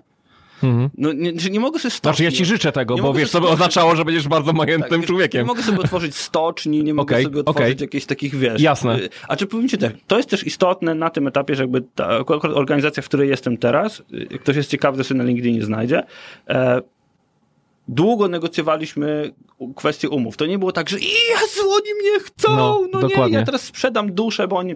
Nie, spoko, spoko, jakby wy chcecie i ja jeszcze nie wiem, rozmawiajmy. No nie? Spotkajmy się raz, piąty, dziesiąty, dwudziesty, trzydziesty, po, zatrudnimy prawnika i niech on popatrzy na tę umowę, czy ona jest Okej. okej z mojej perspektywy, czy tam są warunki, które są spoko i tak dalej. I ja rozumiem, że pewnie, wiesz, na takim liniowym stanowisku podstawowym nie będziesz tego negocjował, no ale jeżeli idziesz na jakieś tam stanowisko menedżerskie i oni robią ci, nie wiem, jeszcze w jakiś taki specyficzny, że robią ci screening, jakieś świadectwo o niekaralności, jakieś tam tony papierów i zgodę na monitoringi tego, co ja robiłem, gdzie, jak i w którą stronę składałem, to trwało pół roku, no nie? A miałeś monitoring, co jesz i jak jesz i... E, czy... Nie, ale badania z Cenepidu. Okej. Więc jakby to, to dość taka aproksymacja jest. A sprawdzali, czy jesteś w ciąży? Y, nie, ale byłem wtedy takiej spożywczej, więc myślę, że gdyby była tam taka procedura, to, to by wiedzieli. No ale całkiem szczerze, to był, to był etap, etap zatrudniania się z mojej perspektywy, znaczy zatrudniania, be, be, bycia zatrudnianym albo podpisywania tej umowy z organizacją jest bardzo ważne i ludzie w wypadkach o nim zapominają. Czyli dzięki temu wywalczyłeś sobie, bo wywalczyłeś sobie taką pozycję, tak? To- Wynegocjowałeś. Znaczy To nie była tak. jakaś walka wielka. No nie, ale nie? dobrze, ale, ale, ale poczyniłeś kroki po temu, aby być w miejscu, w którym jesteś, czyli je pracujesz w korporacji i możesz mieć własną działalność. Tak. No bo musisz o, musisz o tym myśleć, tak? Negocjując czy, czy ustalając warunki Albo, zatrudnienia. albo nikomu nic nie mówić. Albo nikomu nic nie mówić, tak. I to widzisz, ale dlaczego? Bo to, bo to brzmi zupełnie jak małżeństwo. Czyli zasadniczo y, masz żonę, ale możesz ciupciać na boku. Ty akurat, twoja żona o tym wie, ale y, są też przypadki, gdzie żona o tym nie wie. I to są co, właśnie te przypadki, o których Moja przed chwilą... żona o tym wie, jeszcze jest z tego zadowolona. Tu jest taki układ, Chłopie, nie? to, to, to ja wreszcie y, poznałem znaczenie tego powiedzenia złapać Pana Boga za nogi. Nie, nie, to aż tak, aż tak dobrze, aż tak dobrze, tak wysoko nie jest, ale Demet. teraz wiesz, jak, Jeszcze- jak, wygląda A to ty, to już wiem skąd te 109. Tak. Chłopie. E, kwestia jest też taka, że w momencie, kiedy, no załóżmy, piszę blog na temat powiązany z tym, co robię w korporacji, tak? Przez na przykład buduję jakąś tam społeczność i tak dalej. To jest społeczność teoretycznie skupiona wokół mojej tematu, ale poniekąd ja z tej, ja z tej społeczności korzystam, no nie? Jeżeli ja to robię i mam wpisane w mój plan rozwojowy Shaping Local Learning Industry, tak ładnie mam czy jakby w jakiś sposób wpływać na społeczność tego, co się wokół, wokół, wokół tego learningu dzieje, to teraz ja, jeżeli na przykład szukam kandydata do pracy, to nie mam żadnego problemu. Wrzucam tam, słuchajcie, wszystko jest fajnie, tylko szef chuj, czyli ja, nie? I jakby i ludzie się zgłaszają wtedy, nie? E, Ale jakby jest jasne, kto, co, jak i, i wiesz, i to, i to działa, i to działa. I teraz, jeżeli Popatrzysz na to z perspektywy finansowej, stricte finansowej. Firma miałaby wydać na headhunterów x tysięcy złotych i po zrekrutowaniu tych pracowników zapłacić im x pensji tego pracownika jako ekwiwalent agencji, tak? A mówi, no, no dobra, to zgódźmy, mu- zgódźmy się na taką umowę, żeby on sobie mógł też robić swoje rzeczy, ale my przez to będziemy mieć tu taniej, tu taniej, tu taniej i tu taniej, no nie? No to nagle zaczyna się, jest szansa, że na jakimś tam poziomie komuś zapali się w głowie taka mała dioda i aha, nie? Może to się uda.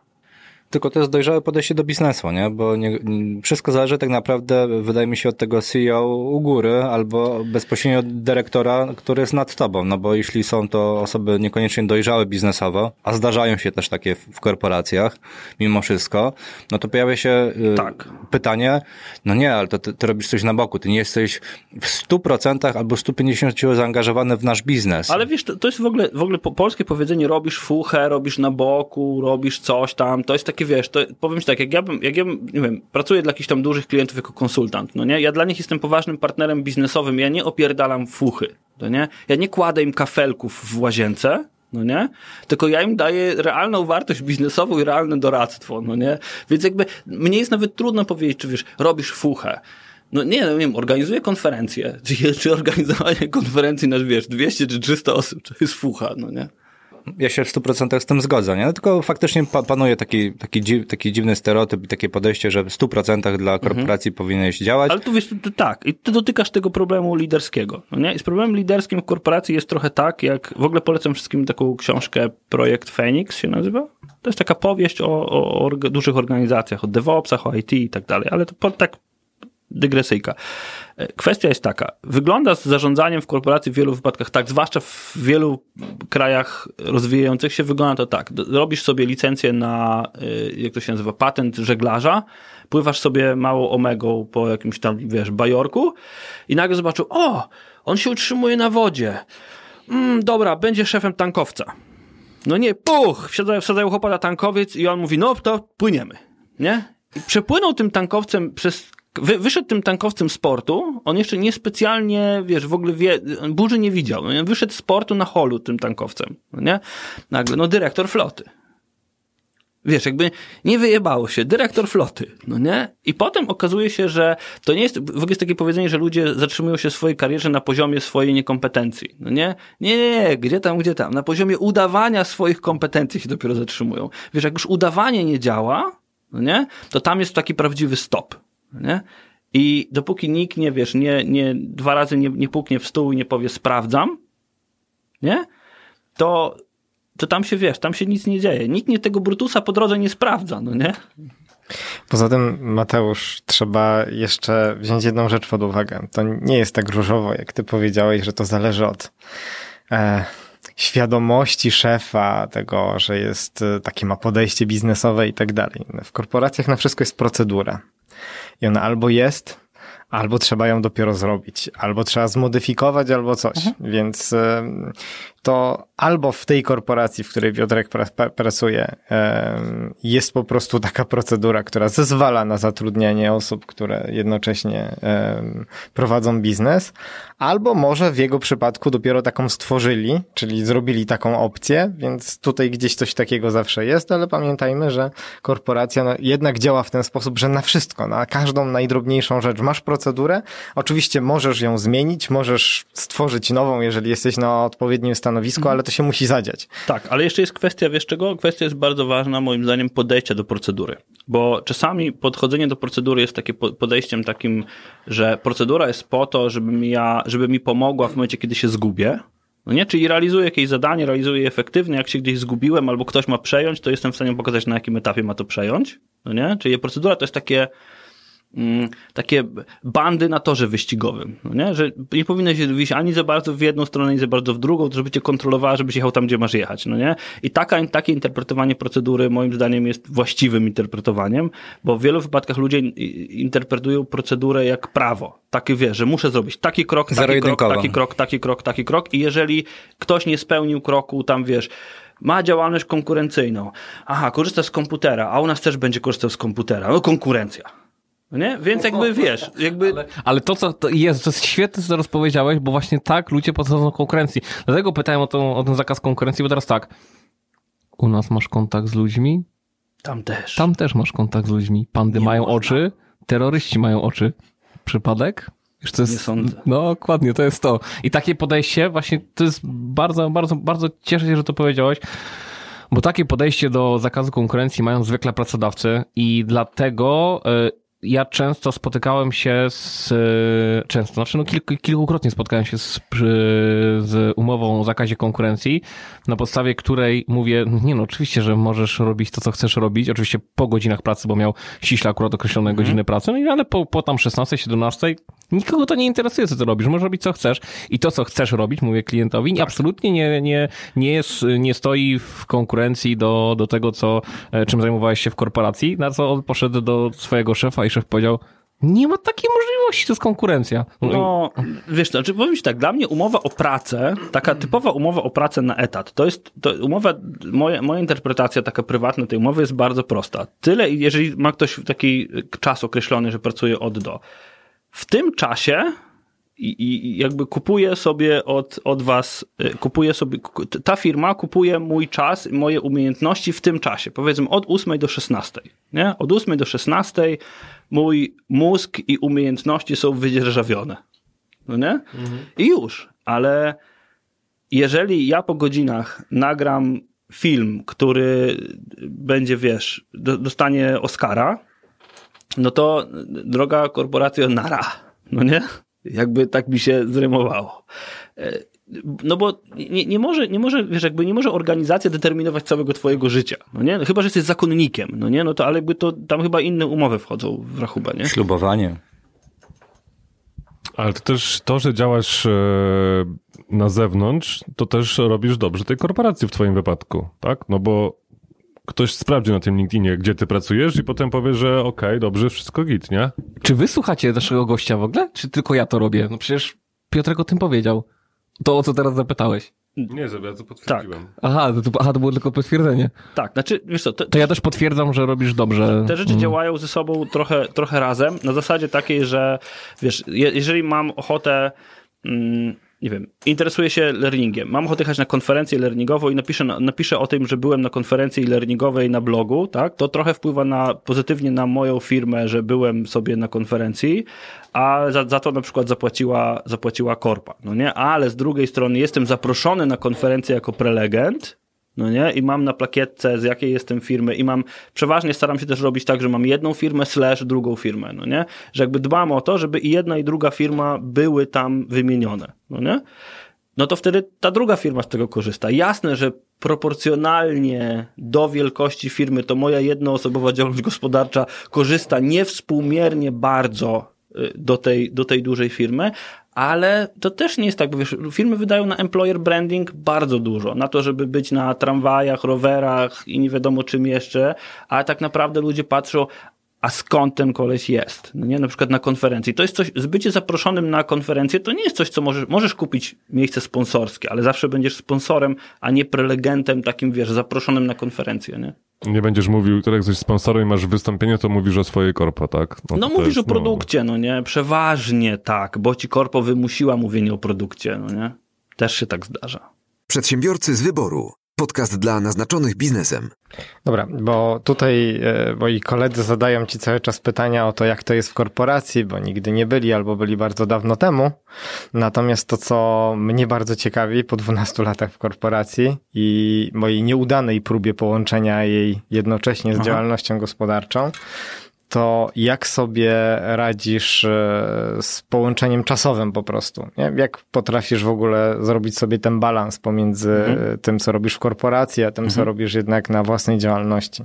Jasne. Yy, wiesz co, to u mnie działa bardzo prosto. Ja zobaczyłem, że w korporacji działa coś takiego jak outsourcing. I w wielu, wielu wypadkach moja praca ogranicza się do jakiegoś tam początkowego kontaktu z klientem, że on chce, żebyś mi, dostarcz mi coś tam, no nie? I, i potem przekierowania tego albo na firmę, z którą współpracuję, albo na pracownika, którego mam zatrudnionego, który jest jakimś tym account managerem, czy jakimś takim kimś, tak? Na przykład z Pawłem tak pracowaliśmy przez jakiś czas i myślę, że będziemy pracować dalej, tak?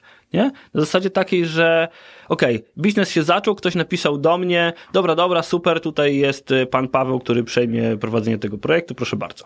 Kropka. Nie? I teraz tak naprawdę to zajmuje, zajmuje taka obsługa, nie wiem, to jest 5% całej, całego projektu, nie? Więc jakby teraz pytanie, wiesz, jakby pytanie, czy, jak, jak bardzo chcesz to zrobić, pytanie, czy e, jesteś w stanie poświęcić tej firmie, nie wiem, dwie godziny dziennie, nie mówię więcej, że jesteś, jesteś w stanie poświęcić dwie godziny dziennie, ale nie, wiesz, nie, nie dwie godziny scrollując Face'a, tylko dwie godziny solidnej pracy, nie? Plus, nie wiem, ja korzystam z Basecampa, z Toggle, do tego, żeby ogarnąć, co tak naprawdę jest tam do zrobienia, ale też dużo mojego czasu to jest, to są szkolenia na przykład, no nie? I to są szkolenia weekendowe. Albo praca na uczelni w weekend. I, i to jest jakby okej, no nie? Jeżeli, jeżeli cię to jara, jeżeli, wiesz, to jest kwestia tego, czy, cię, czy robisz to na siłę i musisz, że o Jezu, robię projekt, no nie? Czy cię to jara, że jedziesz do firmy, poznać jej inną perspektywę albo jej problemy i wiesz, to jest cały czas szlifowanie takiego skilla, który wykorzystujesz i tu, i tu, no nie? No, ale też z drugiej strony to jest w wielu wypadkach, tak działają konsultanci, tak? Masz 73 Excele i zawsze któryś będzie pasował do problemu, który ma klient. Czyli reasumując, w przypadku jednoosobowej działalności gospodarczej, w której nie masz podwykonawców i ty sam tak naprawdę zajmujesz się wszystkim w twojej firmie, może to być utrudnione.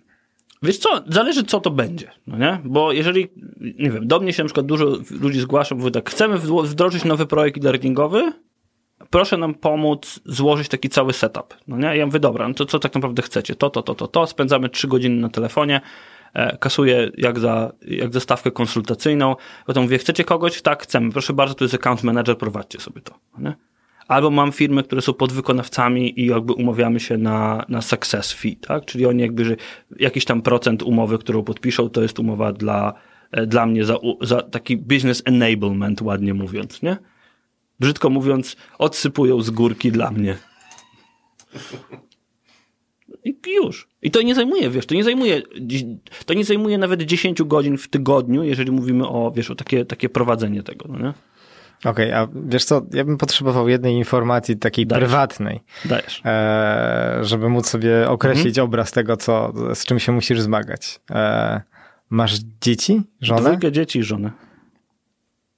No to szacun że, że wyrabiasz jakby... Ale wiesz, ale żona mi w tym pomaga, tak? Na okay. przykład to jest, to jest kwestia tego, że moja żona też poświęca czas, żeby, żeby mi w tym pomóc, żeby na przykład, nie wiem, zrobić obsługę umów, zrobić jakieś wysyłki, powysyłać jakieś, wiesz, faktury, posprawdzać, e, nie wiem, jest prawnikiem, więc jakby sprawdza umowy, czy są ok, nie? Jakby to, to, to mi dużo przyspiesza po prostu biznes. Jakby ta, ta, ta administracyjna część, która dla niej jest jakby czymś naturalnym, e, a dla mnie była zmorą, no to jakby ono to obsługując, po prostu pomaga mi prowadzić biznes. Nie? A jak daleko różne od tego, co robisz dla korporacji jest e, to, co robisz w swoim biznesie? Wiesz co, y, ekstremalnie różne, jeżeli chodzi o skalę, no nie? Bo wiesz, z jednej strony obsługuję firmy, które są, nie wiem, 100, 200 pracowników, a z drugiej strony mam 150 tysięcy odbiorców treści, które wytwarzam. To jest bardzo podobny dział, bo to jest ciągle learning, tak? To jest ciągle, wiesz, jakby tworzenie szkoleń online, offline, robienie eventów rozwojowych i tak dalej, więc jakby ten temat jest podobny i pokrewny.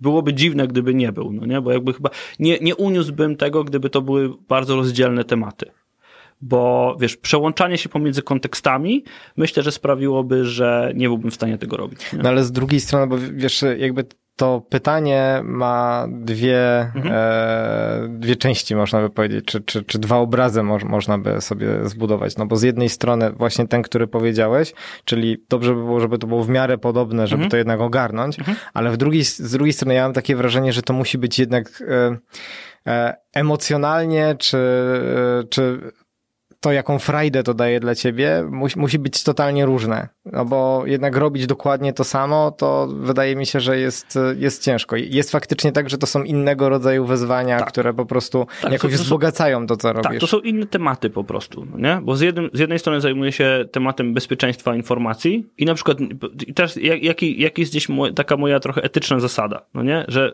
z jednej strony skupiam się na metodach rozwojowych dotyczących bezpieczeństwa informacji. I to robię globalnie dla korporacji. No nie? nie wyobrażam sobie dotykania dokładnie tego samego tematu indywidualnie, bo to moim zdaniem byłoby działanie konkurencyjne. No nie? Byłoby to, po prostu, byłoby to nieetyczne. Mhm. No nie? Więc jakby tego tematu nie dotykam. Jest kilka firm, z którymi współpracuję, że ktoś się do mnie zgłasza, chce taki temat, to mówię, spoko, proszę bardzo, tu. No nie? Do widzenia, ja tego nie robię. No nie? Ale staram się szukać takich obszarów, w których wiesz, y, jakby y, obszarem wspólnym jest to, co mam w czaszce. Nie? Czyli jak czytam Harvard Business Review w pracy, to to Harvard Business Review również się przydaje poza pracą. Jeżeli wymyślam jakiś proces w pracy, to części tego procesu przekładają się na poza pracę. Tak? Weź sobie taką sytuację. Prowadzę studia podyplomowe z e-learningu, i teraz na te studia przychodzą moi pracownicy. Ja ich, wiesz, ja ich nie wysyłam. Musisz iść, bo tam, wiesz. Ja mówię, nie, nie, nie, mnie to nie interesuje. Nawet nie pozwalam sobie na to, żeby korpa zapłaciła za studia, na których ja uczę, bo uważam, że to jest nie w porządku. No nie? Bo ktoś mógłby przyjść i powiedzieć no pasaran, no nie? Bez sensu, żeby tak było, no nie? Ale uczę ludzi, którzy przychodzą do mnie na, którzy, którzy, z którymi pracuję, no nie? Albo z którymi pracowałem, albo z którymi będę pracował. Więc no to się gdzieś tam nakłada. To jest też dlatego, że to środowisko jakby tego e-learningu w Polsce i tak specyficznych rzeczy jest tak małe, nie? Jakbyśmy zrobili, nie wiem, studia podyplomowe z tego, jak nagrywać i robić podcasty, to spotkalibyśmy tych samych ludzi, bo to jest jedno, to jest, wiesz, dobrze ten, ta ksywka była, że to jest, to Kermit jest spoko, bo to jest jeden mały jeden mały staw i wszyscy znają wszystkie ryby, no nie? No jakby, no tak to To wygląda. miałem na myśli właśnie. No. Tak, tak, tak myślałem.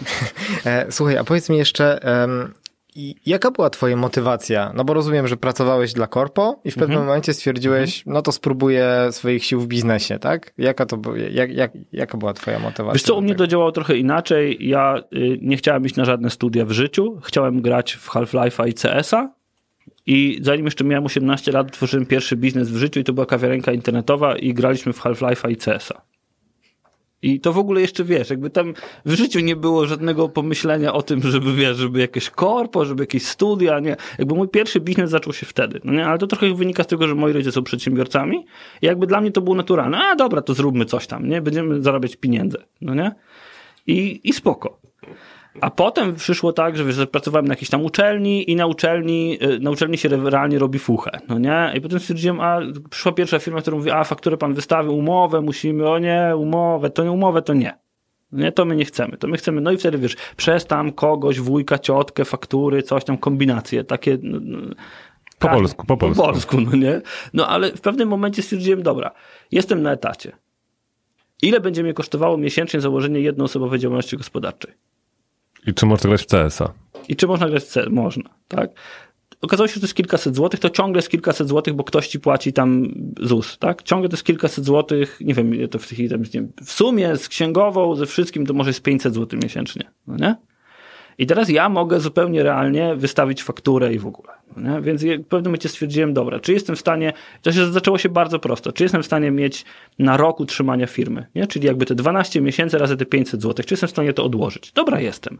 E, dużo wcześniej odpaliłem blog, na którym pisałem o e-learningu. To były takie notatki trochę dla mnie, ale przez to, że ja to pisałem i to był jeden z pierwszych takich blogów w ogóle na rynku, to zaczęli się pojawiać ludzie, a czy mógłbyś nam pomóc z oceną scenariusza szkolenia, a czy mógłbyś nam pomóc z czymś Zainstalować Moodle i tak się poznaliśmy. tak, tak, tak się poznaliśmy z Pawłem. Czy mógłbyś nam pomóc zainstalować platformę do e-learningu? No nie?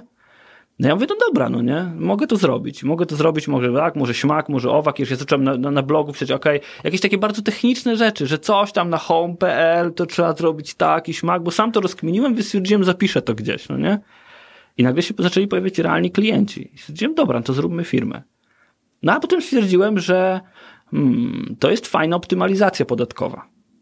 Po prostu, tak? Jakby ja dążę do tego, żeby nie płacić podatków, no nie? Jak, jak większość przedsiębiorców. Więc teraz będąc w takiej konfiguracji trochę tu, trochę tu, dążę do tego, żeby tak to optymalizować, żeby dla mnie kończyło się mimo wszystko trochę korporacyjnie, czyli maksymalizacją e, zysku. O tym myśli każdy przedsiębiorca, przynajmniej powinien.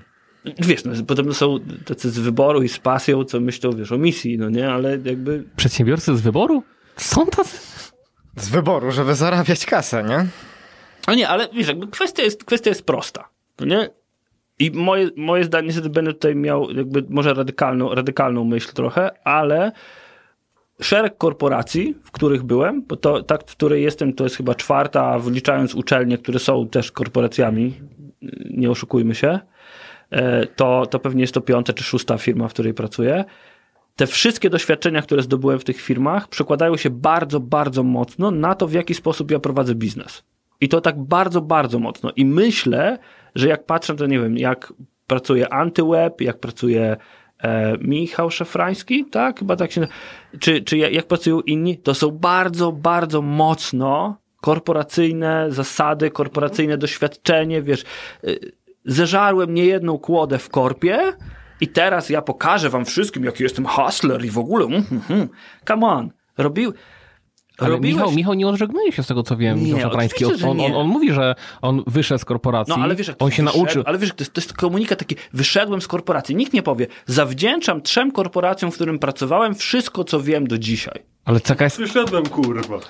Tak, tak, ale to jest, wiesz, tak samo jak, wiesz, wychodzisz, wychodzisz z zakładu karnego, nie? I, I no jak bierzesz prysznic w ciągu minuty, no to wiadomo, że gdzieś się tego nauczyłeś, nie? Tak na szybko. To jest No. dokładnie, to jest dokładnie to samo. No ale wiesz, dlatego y, ja powiem ci tak, ja zawdzięczam bardzo dużo korporacji, ciągle korzystam z tego bardzo, bardzo mocno, bo ja w tej chwili na przykład, tak mówię, dla mnie grupa odbiorców to jest 150 tysięcy pracowników organizacji. Jeżeli robię szkolenie, to na przykład wyzwanie jest takie, że muszę je przetłumaczyć na 20 języków.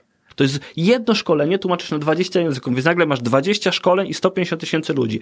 Nie uzyskam takiej skali, robiąc swój własny biznes, bo nie ma tylu odbiorców takich szkoleń. No nie? E, mogę? No dawaj, jak Ile masz, masz, ile masz jeszcze pytań? Bo ja na przykład bardzo, bardzo, bardzo... Ja nie mam pytania, ja mam konkluzję najpierw. Aha, no to wal. No to, a ja potem. Dobra.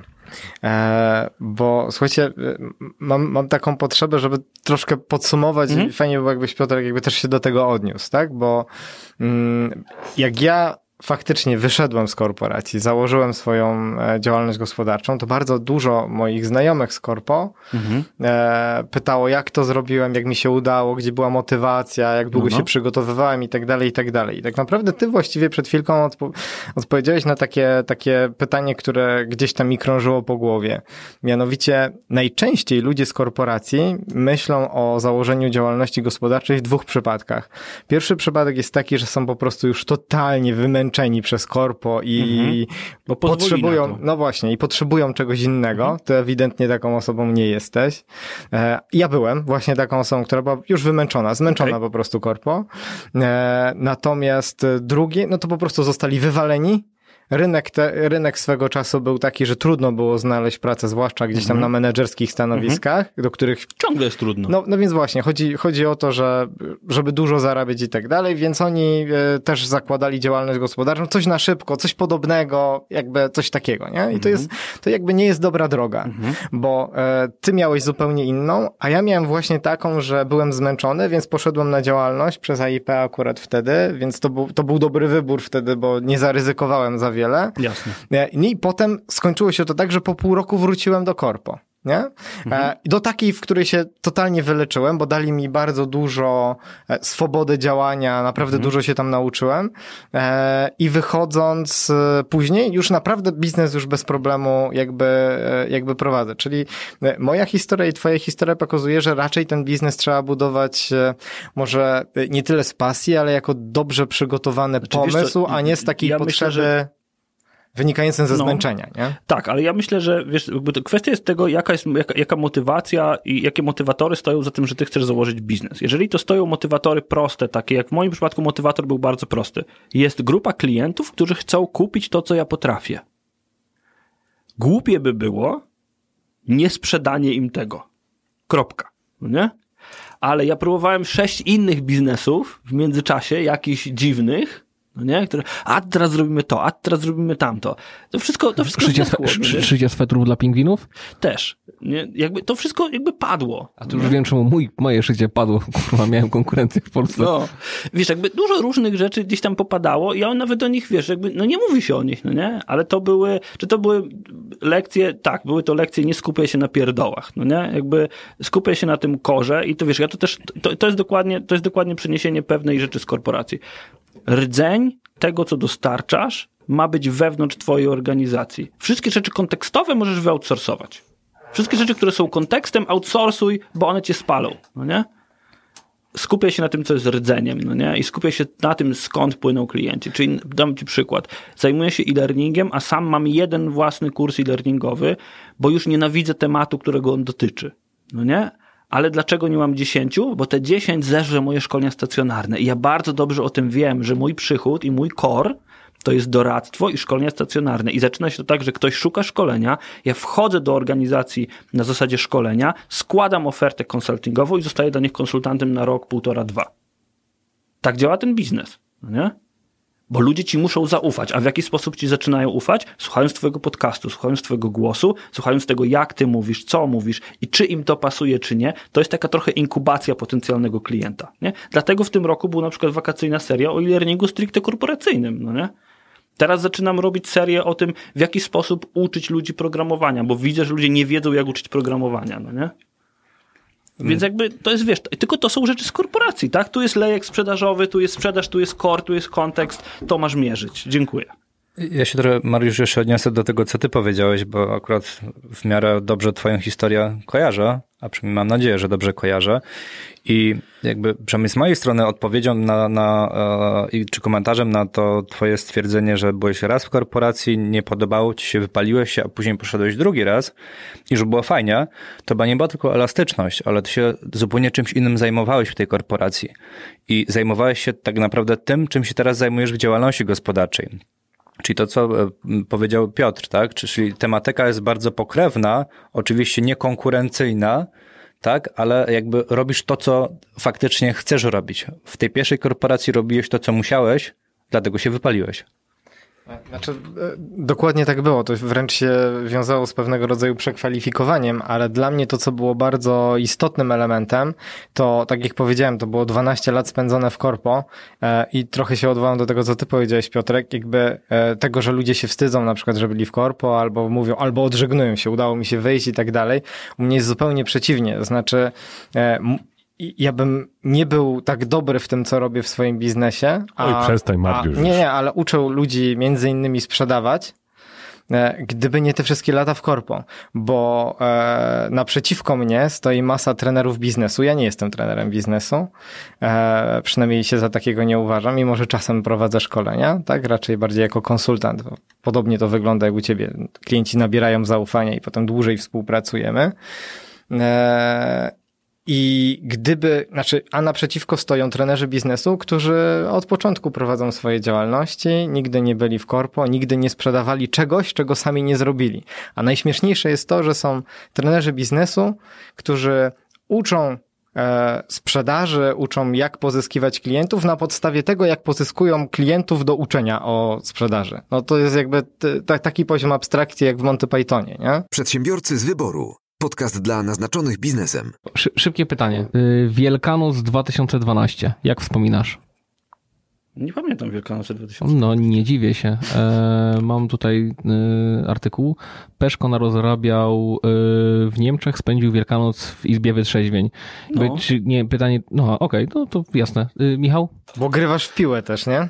Właśnie, i, i, i, i, czy to prawda, że jak coś chcesz załatwić w urzędzie, to mówisz, że masz na imię Sławomir? E, nie, ale mówię, że go znam i mam takie w marynarce zawsze karteczki z autografami. Ale Sławomira którego? Miłość, miłość zakopane Szampanem. Tego z Rocopolo. Mam, mam, mam dwie, dwie kieszenie.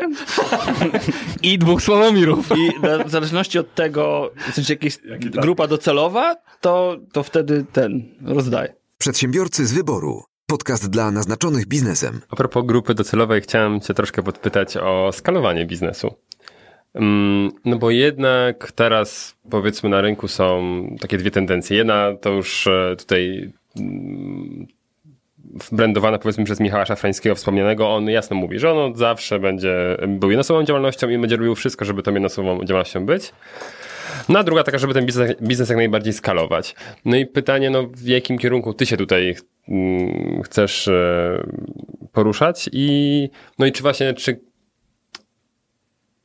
czy dla Ciebie praca w korporacji jest tak pewna, że zawsze będziesz to chciał robić, czy jednak dopuszczasz na przykład to, że w przyszłości zeskalować tak firmę, żeby, żeby, że to jest jednak coś, co, nie wiem, za 20. Jak się widzisz za 20 lat? Jak się pan widzi za 20 lat w naszej firmie? Wiesz, o co chodzi? Czy, czy ta działalność jest trochę taką czymś, że no dobra, no jeszcze sobie popracuję w korporacji 10 lat, a potem sobie będę już walił tego szkolenia i to będzie super, ale zeskaluję to w taki sposób, że wiesz, Bahamy, co nie, Malediwy i tam się walą jakieś rzeczy dookoła bloga i tak dalej. Czy jednak e, ja się zastarzeję w korporacji, a działalność to będzie takie fajne hobby, które też fajnie kasę daje, co nie? E, Powiem ci tak, ja jestem na etapie zastanawiania się nad tym, co ja tak naprawdę, co ja chciałbym uzyskać i czy ja potrzebuję planować na 10 lat. Na, nie, w ogóle dla mnie kwestia planowania na 2 albo 3 lata do przodu jest totalną abstrakcją. Szczególnie w tej branży. tak, w mojej branży planowanie na dwa lata do przodu to jest w ogóle bzdura kompletna, bo nikt nie wie, co, jak to będzie wyglądało. Um, I teraz tak, aktualna sytuacja wygląda tak, że brzydko mówiąc, obojętnie, która z tych rzeczy się wywali, czy na przykład przestanę mieć ochotę na prowadzenie firmy, albo poczuję, że męczy mnie praca w aktualnej korporacji, ja z każdej z nich mogę zrezygnować i pójść. Nie? I jakby, i to, i to jest, to jest tak idealny komfort y, pracy, że mogę sobie przyjechać rano na nagranie podcastu i wrócić i pracować i jakby nie mam żadnego ciśnienia z tym, że ja muszę być tam jakby priorytetem jest to, że umówiłem się z żoną, że będę o którejś tam godzinie w domu, bo coś tam, a nie to, że, że mam do załatwienia jakąś tam rzecz. Mogę, przyzwyczaiłem też ludzi do tego, że pracuję z telefonu, pracuję w drodze, pracuję w ruchu, dzwonię do nich i tak dalej. Więc jakby to jest super sytuacja komfortu, która zajęła mi, doprowadzenie tej sytuacji zajęło mi pewnie 6 lat, nauczenie się tego. No nie? Nauczenie się tak balansowania pewnymi rzeczami, które robię, żeby one działały. No nie? I teraz, długoterminowo i jedna rzecz, która mnie bardzo imponuje, to są ludzie, którzy pracują długo. Ja pracowałem z ludźmi, z ludźmi w, Stanach, którzy mieli po 70 parę lat i byli naprawdę sprawnie korzystali ze wszystkich technologicznych nowinek i tak dalej, grupy na Whatsappie do swoich pracowników i tak dalej, i tak dalej. To mi imponuje. Ja chcę być aktywny zawodowo tak długo, jak to będzie tylko możliwe, patrząc z dzisiejszej perspektywy, może mi się to zmieni, no nie? Ale chcę być aktywny zawodowo. E, Jeżeli chodzi o, o komfort, to następna rzecz, która moim zdaniem była krytyczna na pewnym etapie, to było wydawanie e, dużo mniej niż zarabiam. W sensie, wiesz, jakby na pewnym etapie zarabiasz więcej, wydajesz więcej, zarabiasz więcej, wydajesz więcej. W pewnym momencie ja się bardzo mocno zastanowiłem i też szukałem doradców na zewnątrz, doradców finansowych, którzy powiedzieli mi, dobra, powiedz mi, jakie rzeczy powinien zoptymalizować i w którym miejscu i w jaki sposób, żeby wzrastające przychody, czy z firmy, czy z korporacji i tak dalej, były wzrastającym przychodem, budującym, nie wiem, poduszkę finansową, będącą jakąś inwestycją, czymkolwiek, czymkolwiek, nie? Żebyś ich nie przyjadał. Dokładnie, bo wiesz, jakby kwestia jest taka, możesz chodzić na siłkę za 50 zł, no nie? Albo możesz mieć multisporta z korpy i nie płacić za niego nic, a możesz chodzić na siłkę za 300 zł i płacić 500 zł za rezerwację szafki, żeby ona była tylko twoja, no nie? I mieć personalnego trenera jeszcze, prawda? Który ci będzie mówił, dawaj, ciśnij, ciśnij. I, jeszcze. ale, ale ja tam byłem i miałem tego personalnego trenera i w pewnym momencie z niego zrezygnowałem, no nie? I jakby chcesz spróbować, to spróbuj. Chcesz spróbować się kąpać w szampanie, kąp się w szampanie. No nie, jeżeli cię to stać, spoko, spróbuj. Zobacz potem tylko, czy ta skóra jest naprawdę dużo fajniejsza i czy warto ten Don Perignon do wanny lać, nie? Piotr poleca. Tak, tak. Yy, Tylko, on trochę wlewa szczypie. wódę do, do wanny. Nie, woda szczypie. Nie, nie, tego rosyjskiego. Szczypi. Szczypi. Sowieckoje i gristoje. Tak jest. Ale teraz wiesz, Da. jakby, i to są następne rzeczy, które powodują, że jakby ja się o pe pewne rzeczy się przestałem martwić. No nie? I nie martwienie się o pewne rzeczy spowoduje, że mogę myśleć o następnych rzeczach. Czyli tak jak powiedziałem, uczę na przykład, jedno z najlepiej sprzedających się moich szkoleń to jest w jaki sposób e, do, doprowadzić, wyjść od problemu, który ma organizacja, do szkolenia, który w jaki sposób część tego problemu może zaadresować. I myślę sobie, dobra, to się sprzedało 10 razy czy set razy ileś tam, spoko. I teraz gdzie jest ten problem? W uczeniu ludzi programowania. No to teraz to szkolenie duże ja wykroję tak, żeby nauczyć ludzi programowania, ale planuję w tej jesieni zrobić podcast przez całą jesień, rozmawiać z ludźmi, z różnymi ludźmi, którzy uczą programowania, po to, żeby wsadzić nogę y, jakby w ich drzwi trochę, no nie? I, i już. E, Mi, Michał, ja się, odniosę do tego, co ty powiedziałeś, e, bo też ostatnio słuchałem podcastu Michała Szafra, Szafrańskiego i zresztą to też zostało gdzieś tam e, po, poruszone, że się z tym w 100% zgodzę, to od razu podkreślam, że miarą sukcesu niekoniecznie jest to, że masz bardzo dużą firmę, ją rozwinąłeś i, i masz pracowników, którzy na ciebie zarabiają, tylko w jaki, w jaki sposób ty się czujesz w tym, co robisz. To jest istotne. Tak, ale wiesz co, jeszcze odnośnie tego solopreneur i czy ja chcę być solopreneur, czy chcę budować dużą firmę i tak dalej. To, co jest ważne z mojej perspektywy z korporacyjnego doświadczenia, to ładnie się po angielsku nazywa margin. Na czym ty zarabiasz? co ci przynosi hajsy. I teraz, jeżeli ja wiem, że ja zarabiam na swoim szkoleniu i ludzie chcą mnie, bo słuchali mnie, a nie mojego pracownika, to dlaczego ja miałbym, wiesz, jakieś przyszedłem do, do, do człowieka, który pracuje w innej dużej korporacji, która sprzedaje szkolenia. I on mówi mi bardzo prosto. Za mało bierzesz za szkolenie. Kropka. Ja mówię, to ile mam brać? Cztery razy tyle, ile bierzesz. I wytrzymaj pół roku. Ja to zrobiłem. I on mówi, i co, działa? Działa. To po co ci pracownik? Wiesz, jakby na obsługę tego pracownika, czyli na zadania administracyjne z obsługą tego pracownika, szkolenia i tak dalej, i tak dalej, i tak dalej, spędzisz tyle czasu, że spędzisz to więcej niż na sam, naprawdę szkoleniu. Nie? Ale jeszcze raz, core i kontekst. Co jest korem twojego biznesu i co ty trzymasz za pysk, a co jest kontekstem, który możesz zlecić. Nie wiem, Przecież nie będę, nie, zlecam całe nagrania lektorskie, zlecam grafikę, zlecam e, robienie stron internetowych, e, stawianie portali i tak dalej. W ogóle nawet nie pewnie bym był w stanie to zrobić, ale nawet nie chcę tego dotykać. Po co mi to? Nie? To jest nieefektywne. Ja nieefektywnie spędzę czas. I ja bardzo mierzę czas. W sensie mam jakieś aplikacje do mierzenia czasu i ja bardzo mierzę czas, czy, czy jest znowu korporacyjnie billable, czy non-billable.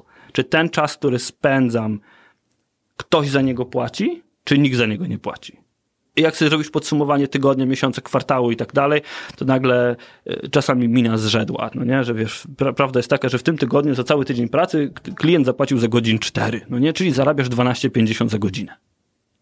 I już. Więc jakby ja nie, nie myślę nawet o skalowaniu firmy, bo jak, sobie, jak, jak, jak robię sobie symulację i zaczynam myśleć biuro, czterech pracowników, cztery komputery, cztery ZUSy, cztery to, cztery tamto, cztery siamto, cztery owamto, to nagle sobie myślę, o panie, to, to wiesz, jakby ja będę musiał brać każdy projekt, nie? A jakby z tej, wychodząc od tego, od tej takiej podstawy, że wybieram, co mi się podoba, to nagle to, to podstawowe założenie mojego komfortu i mojej frajdy z prowadzenia tej firmy jest podważone. Bo ja wtedy muszę wziąć wszystko, co leży na rynku, nie? To ja wolę być doradcą w dużej firmie i na przykład sytuacja sprzed kilku dni, Mam kolegę, który prowadzi dużą firmę e-learningową, no nie? No i nagle jest szkolenie, spotkanie, oni nie wiedzieli, że tam będą, wiedzieli, że z tej dużej korpy, jakiejś tam, nie w tej, której pracuję, tylko w takiej, której jestem doradcą, będzie, będzie spotkanie i szkolenie, no nie? I oni nagle wszyscy, haha, ale w ogóle super, co my wam tu nie pokażemy? I nagle ja przychodzę, nie? I nie, że cały na biało. Po prostu. I oni nagle, aha, no to będzie to trudny dzień. Nie? Bo oni jakby wiedzą, że nie będzie tego, nie będzie bullshitu sprzedażowego. Tylko ja przyjdę do nich i powiem to, to, to, to i to trzeba skonfigurować tu i teraz. Mnie nie interesuje wasze szkolenie, wasze pitu pitu, jaką macie fajną aplikację. To mi skonfigurujcie, to mi skonfigurujcie, to, to i to i pracujmy na tym. Nie? A ta firma, która mnie zatrudniła, ona dostaje, ona by do tego doszła na siódmym spotkaniu. Nie? A tak załatwili to na pierwszym. Dla mnie biznes, dla nich biznes, no trochę zaskoczenie dla, dla tego wykonawcy, nie? Ale czy ja bym chciał mieć, czy ja bym się chciał sklonować? Nie, bo bym się ze sobą kłócił. Czy ja chcę brandować jako tam solopreneur, hustler, bla, bla, bla? Nie. Do the do, nie? Rób to po prostu, co możesz robić. Ja mam pytanie od słuchacza, jeśli mogę. Shoot. E, weź go spytaj. No to pytam. Masz syna? Mam. Czy e, w takim razie można powiedzieć, że masz małego peszka?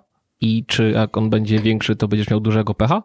Y nie, będę miał dużego peszka. Okej. Okay. I jak on będzie duży, to y, będę się zastanawiał.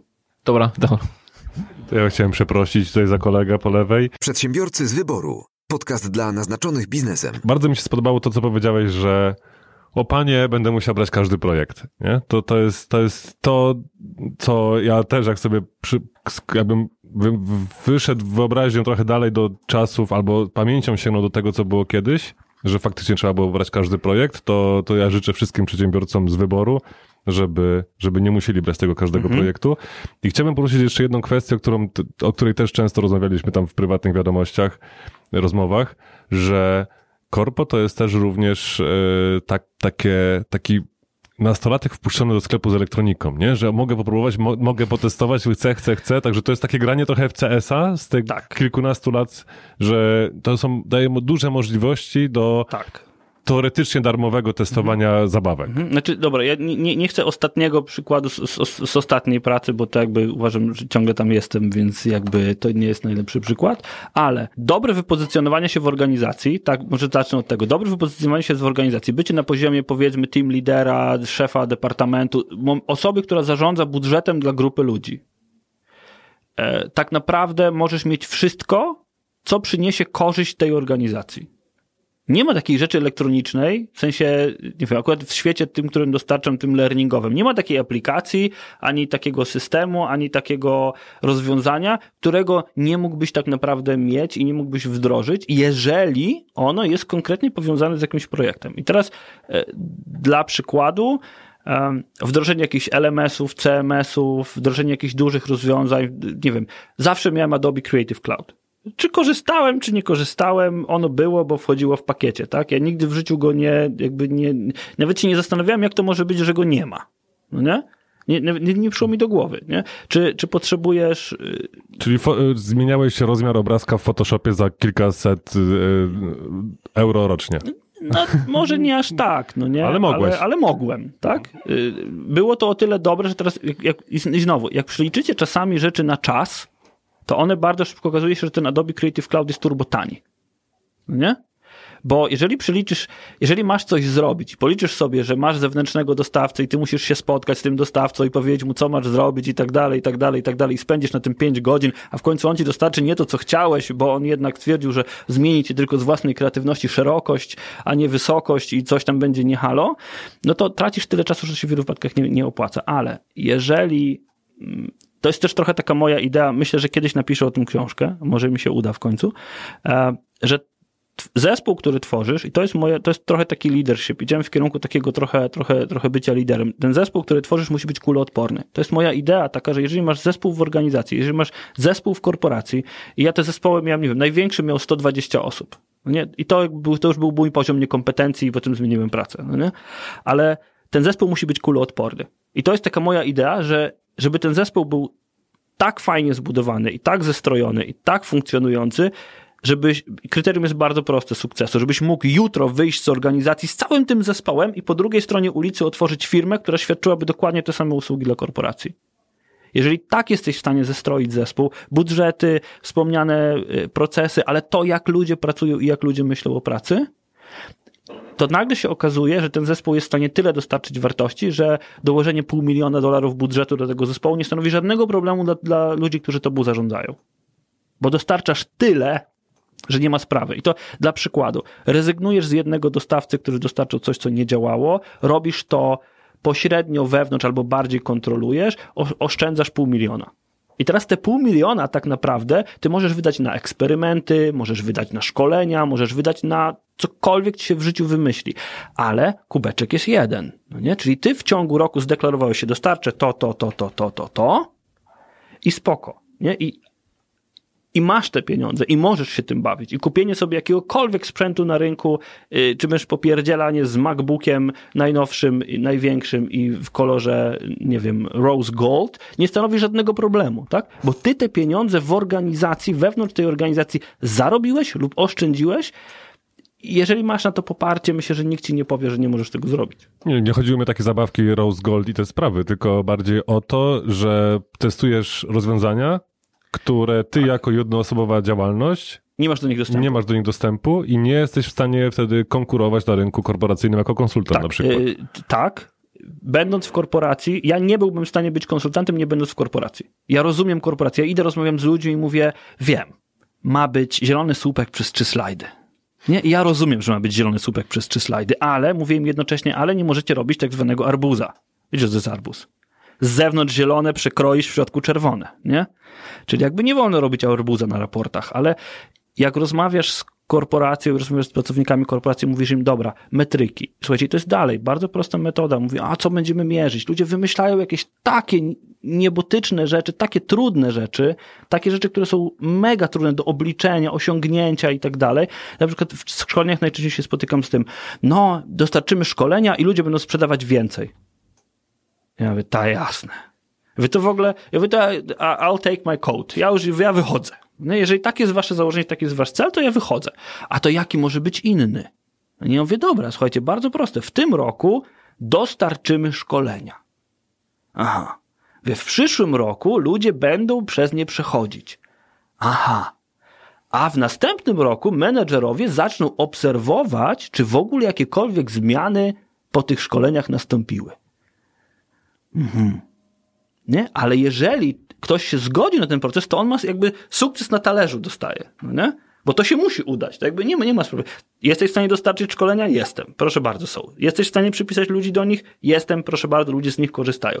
Jesteś w stanie zapytać menedżerów, czy korzystają ludzie z tych szkoleń, czy coś się zmieniło w podejściu ludzi? No jesteś w stanie zrobić, tylko nagle to przestaje być prosta rzecz, jak wiesz, opublikowanie PowerPointa na, na, na intranecie, tylko nagle zaczyna się z tego robić proces, program, nagle się okazuje, że to zupełnie inne pieniądze i że wcale ta sprzedaż nie będzie większa od razu, nie?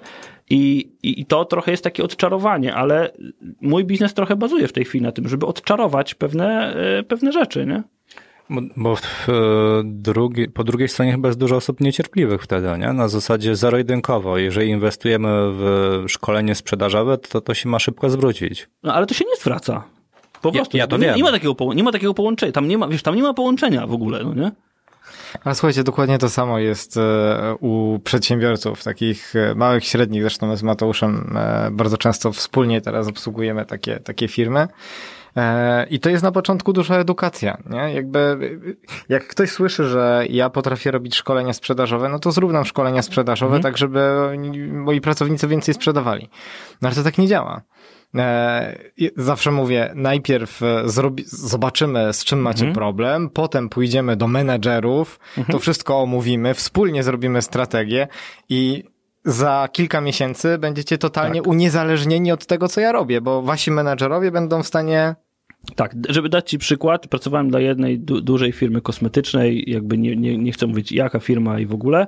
E, Jaja. y, nie.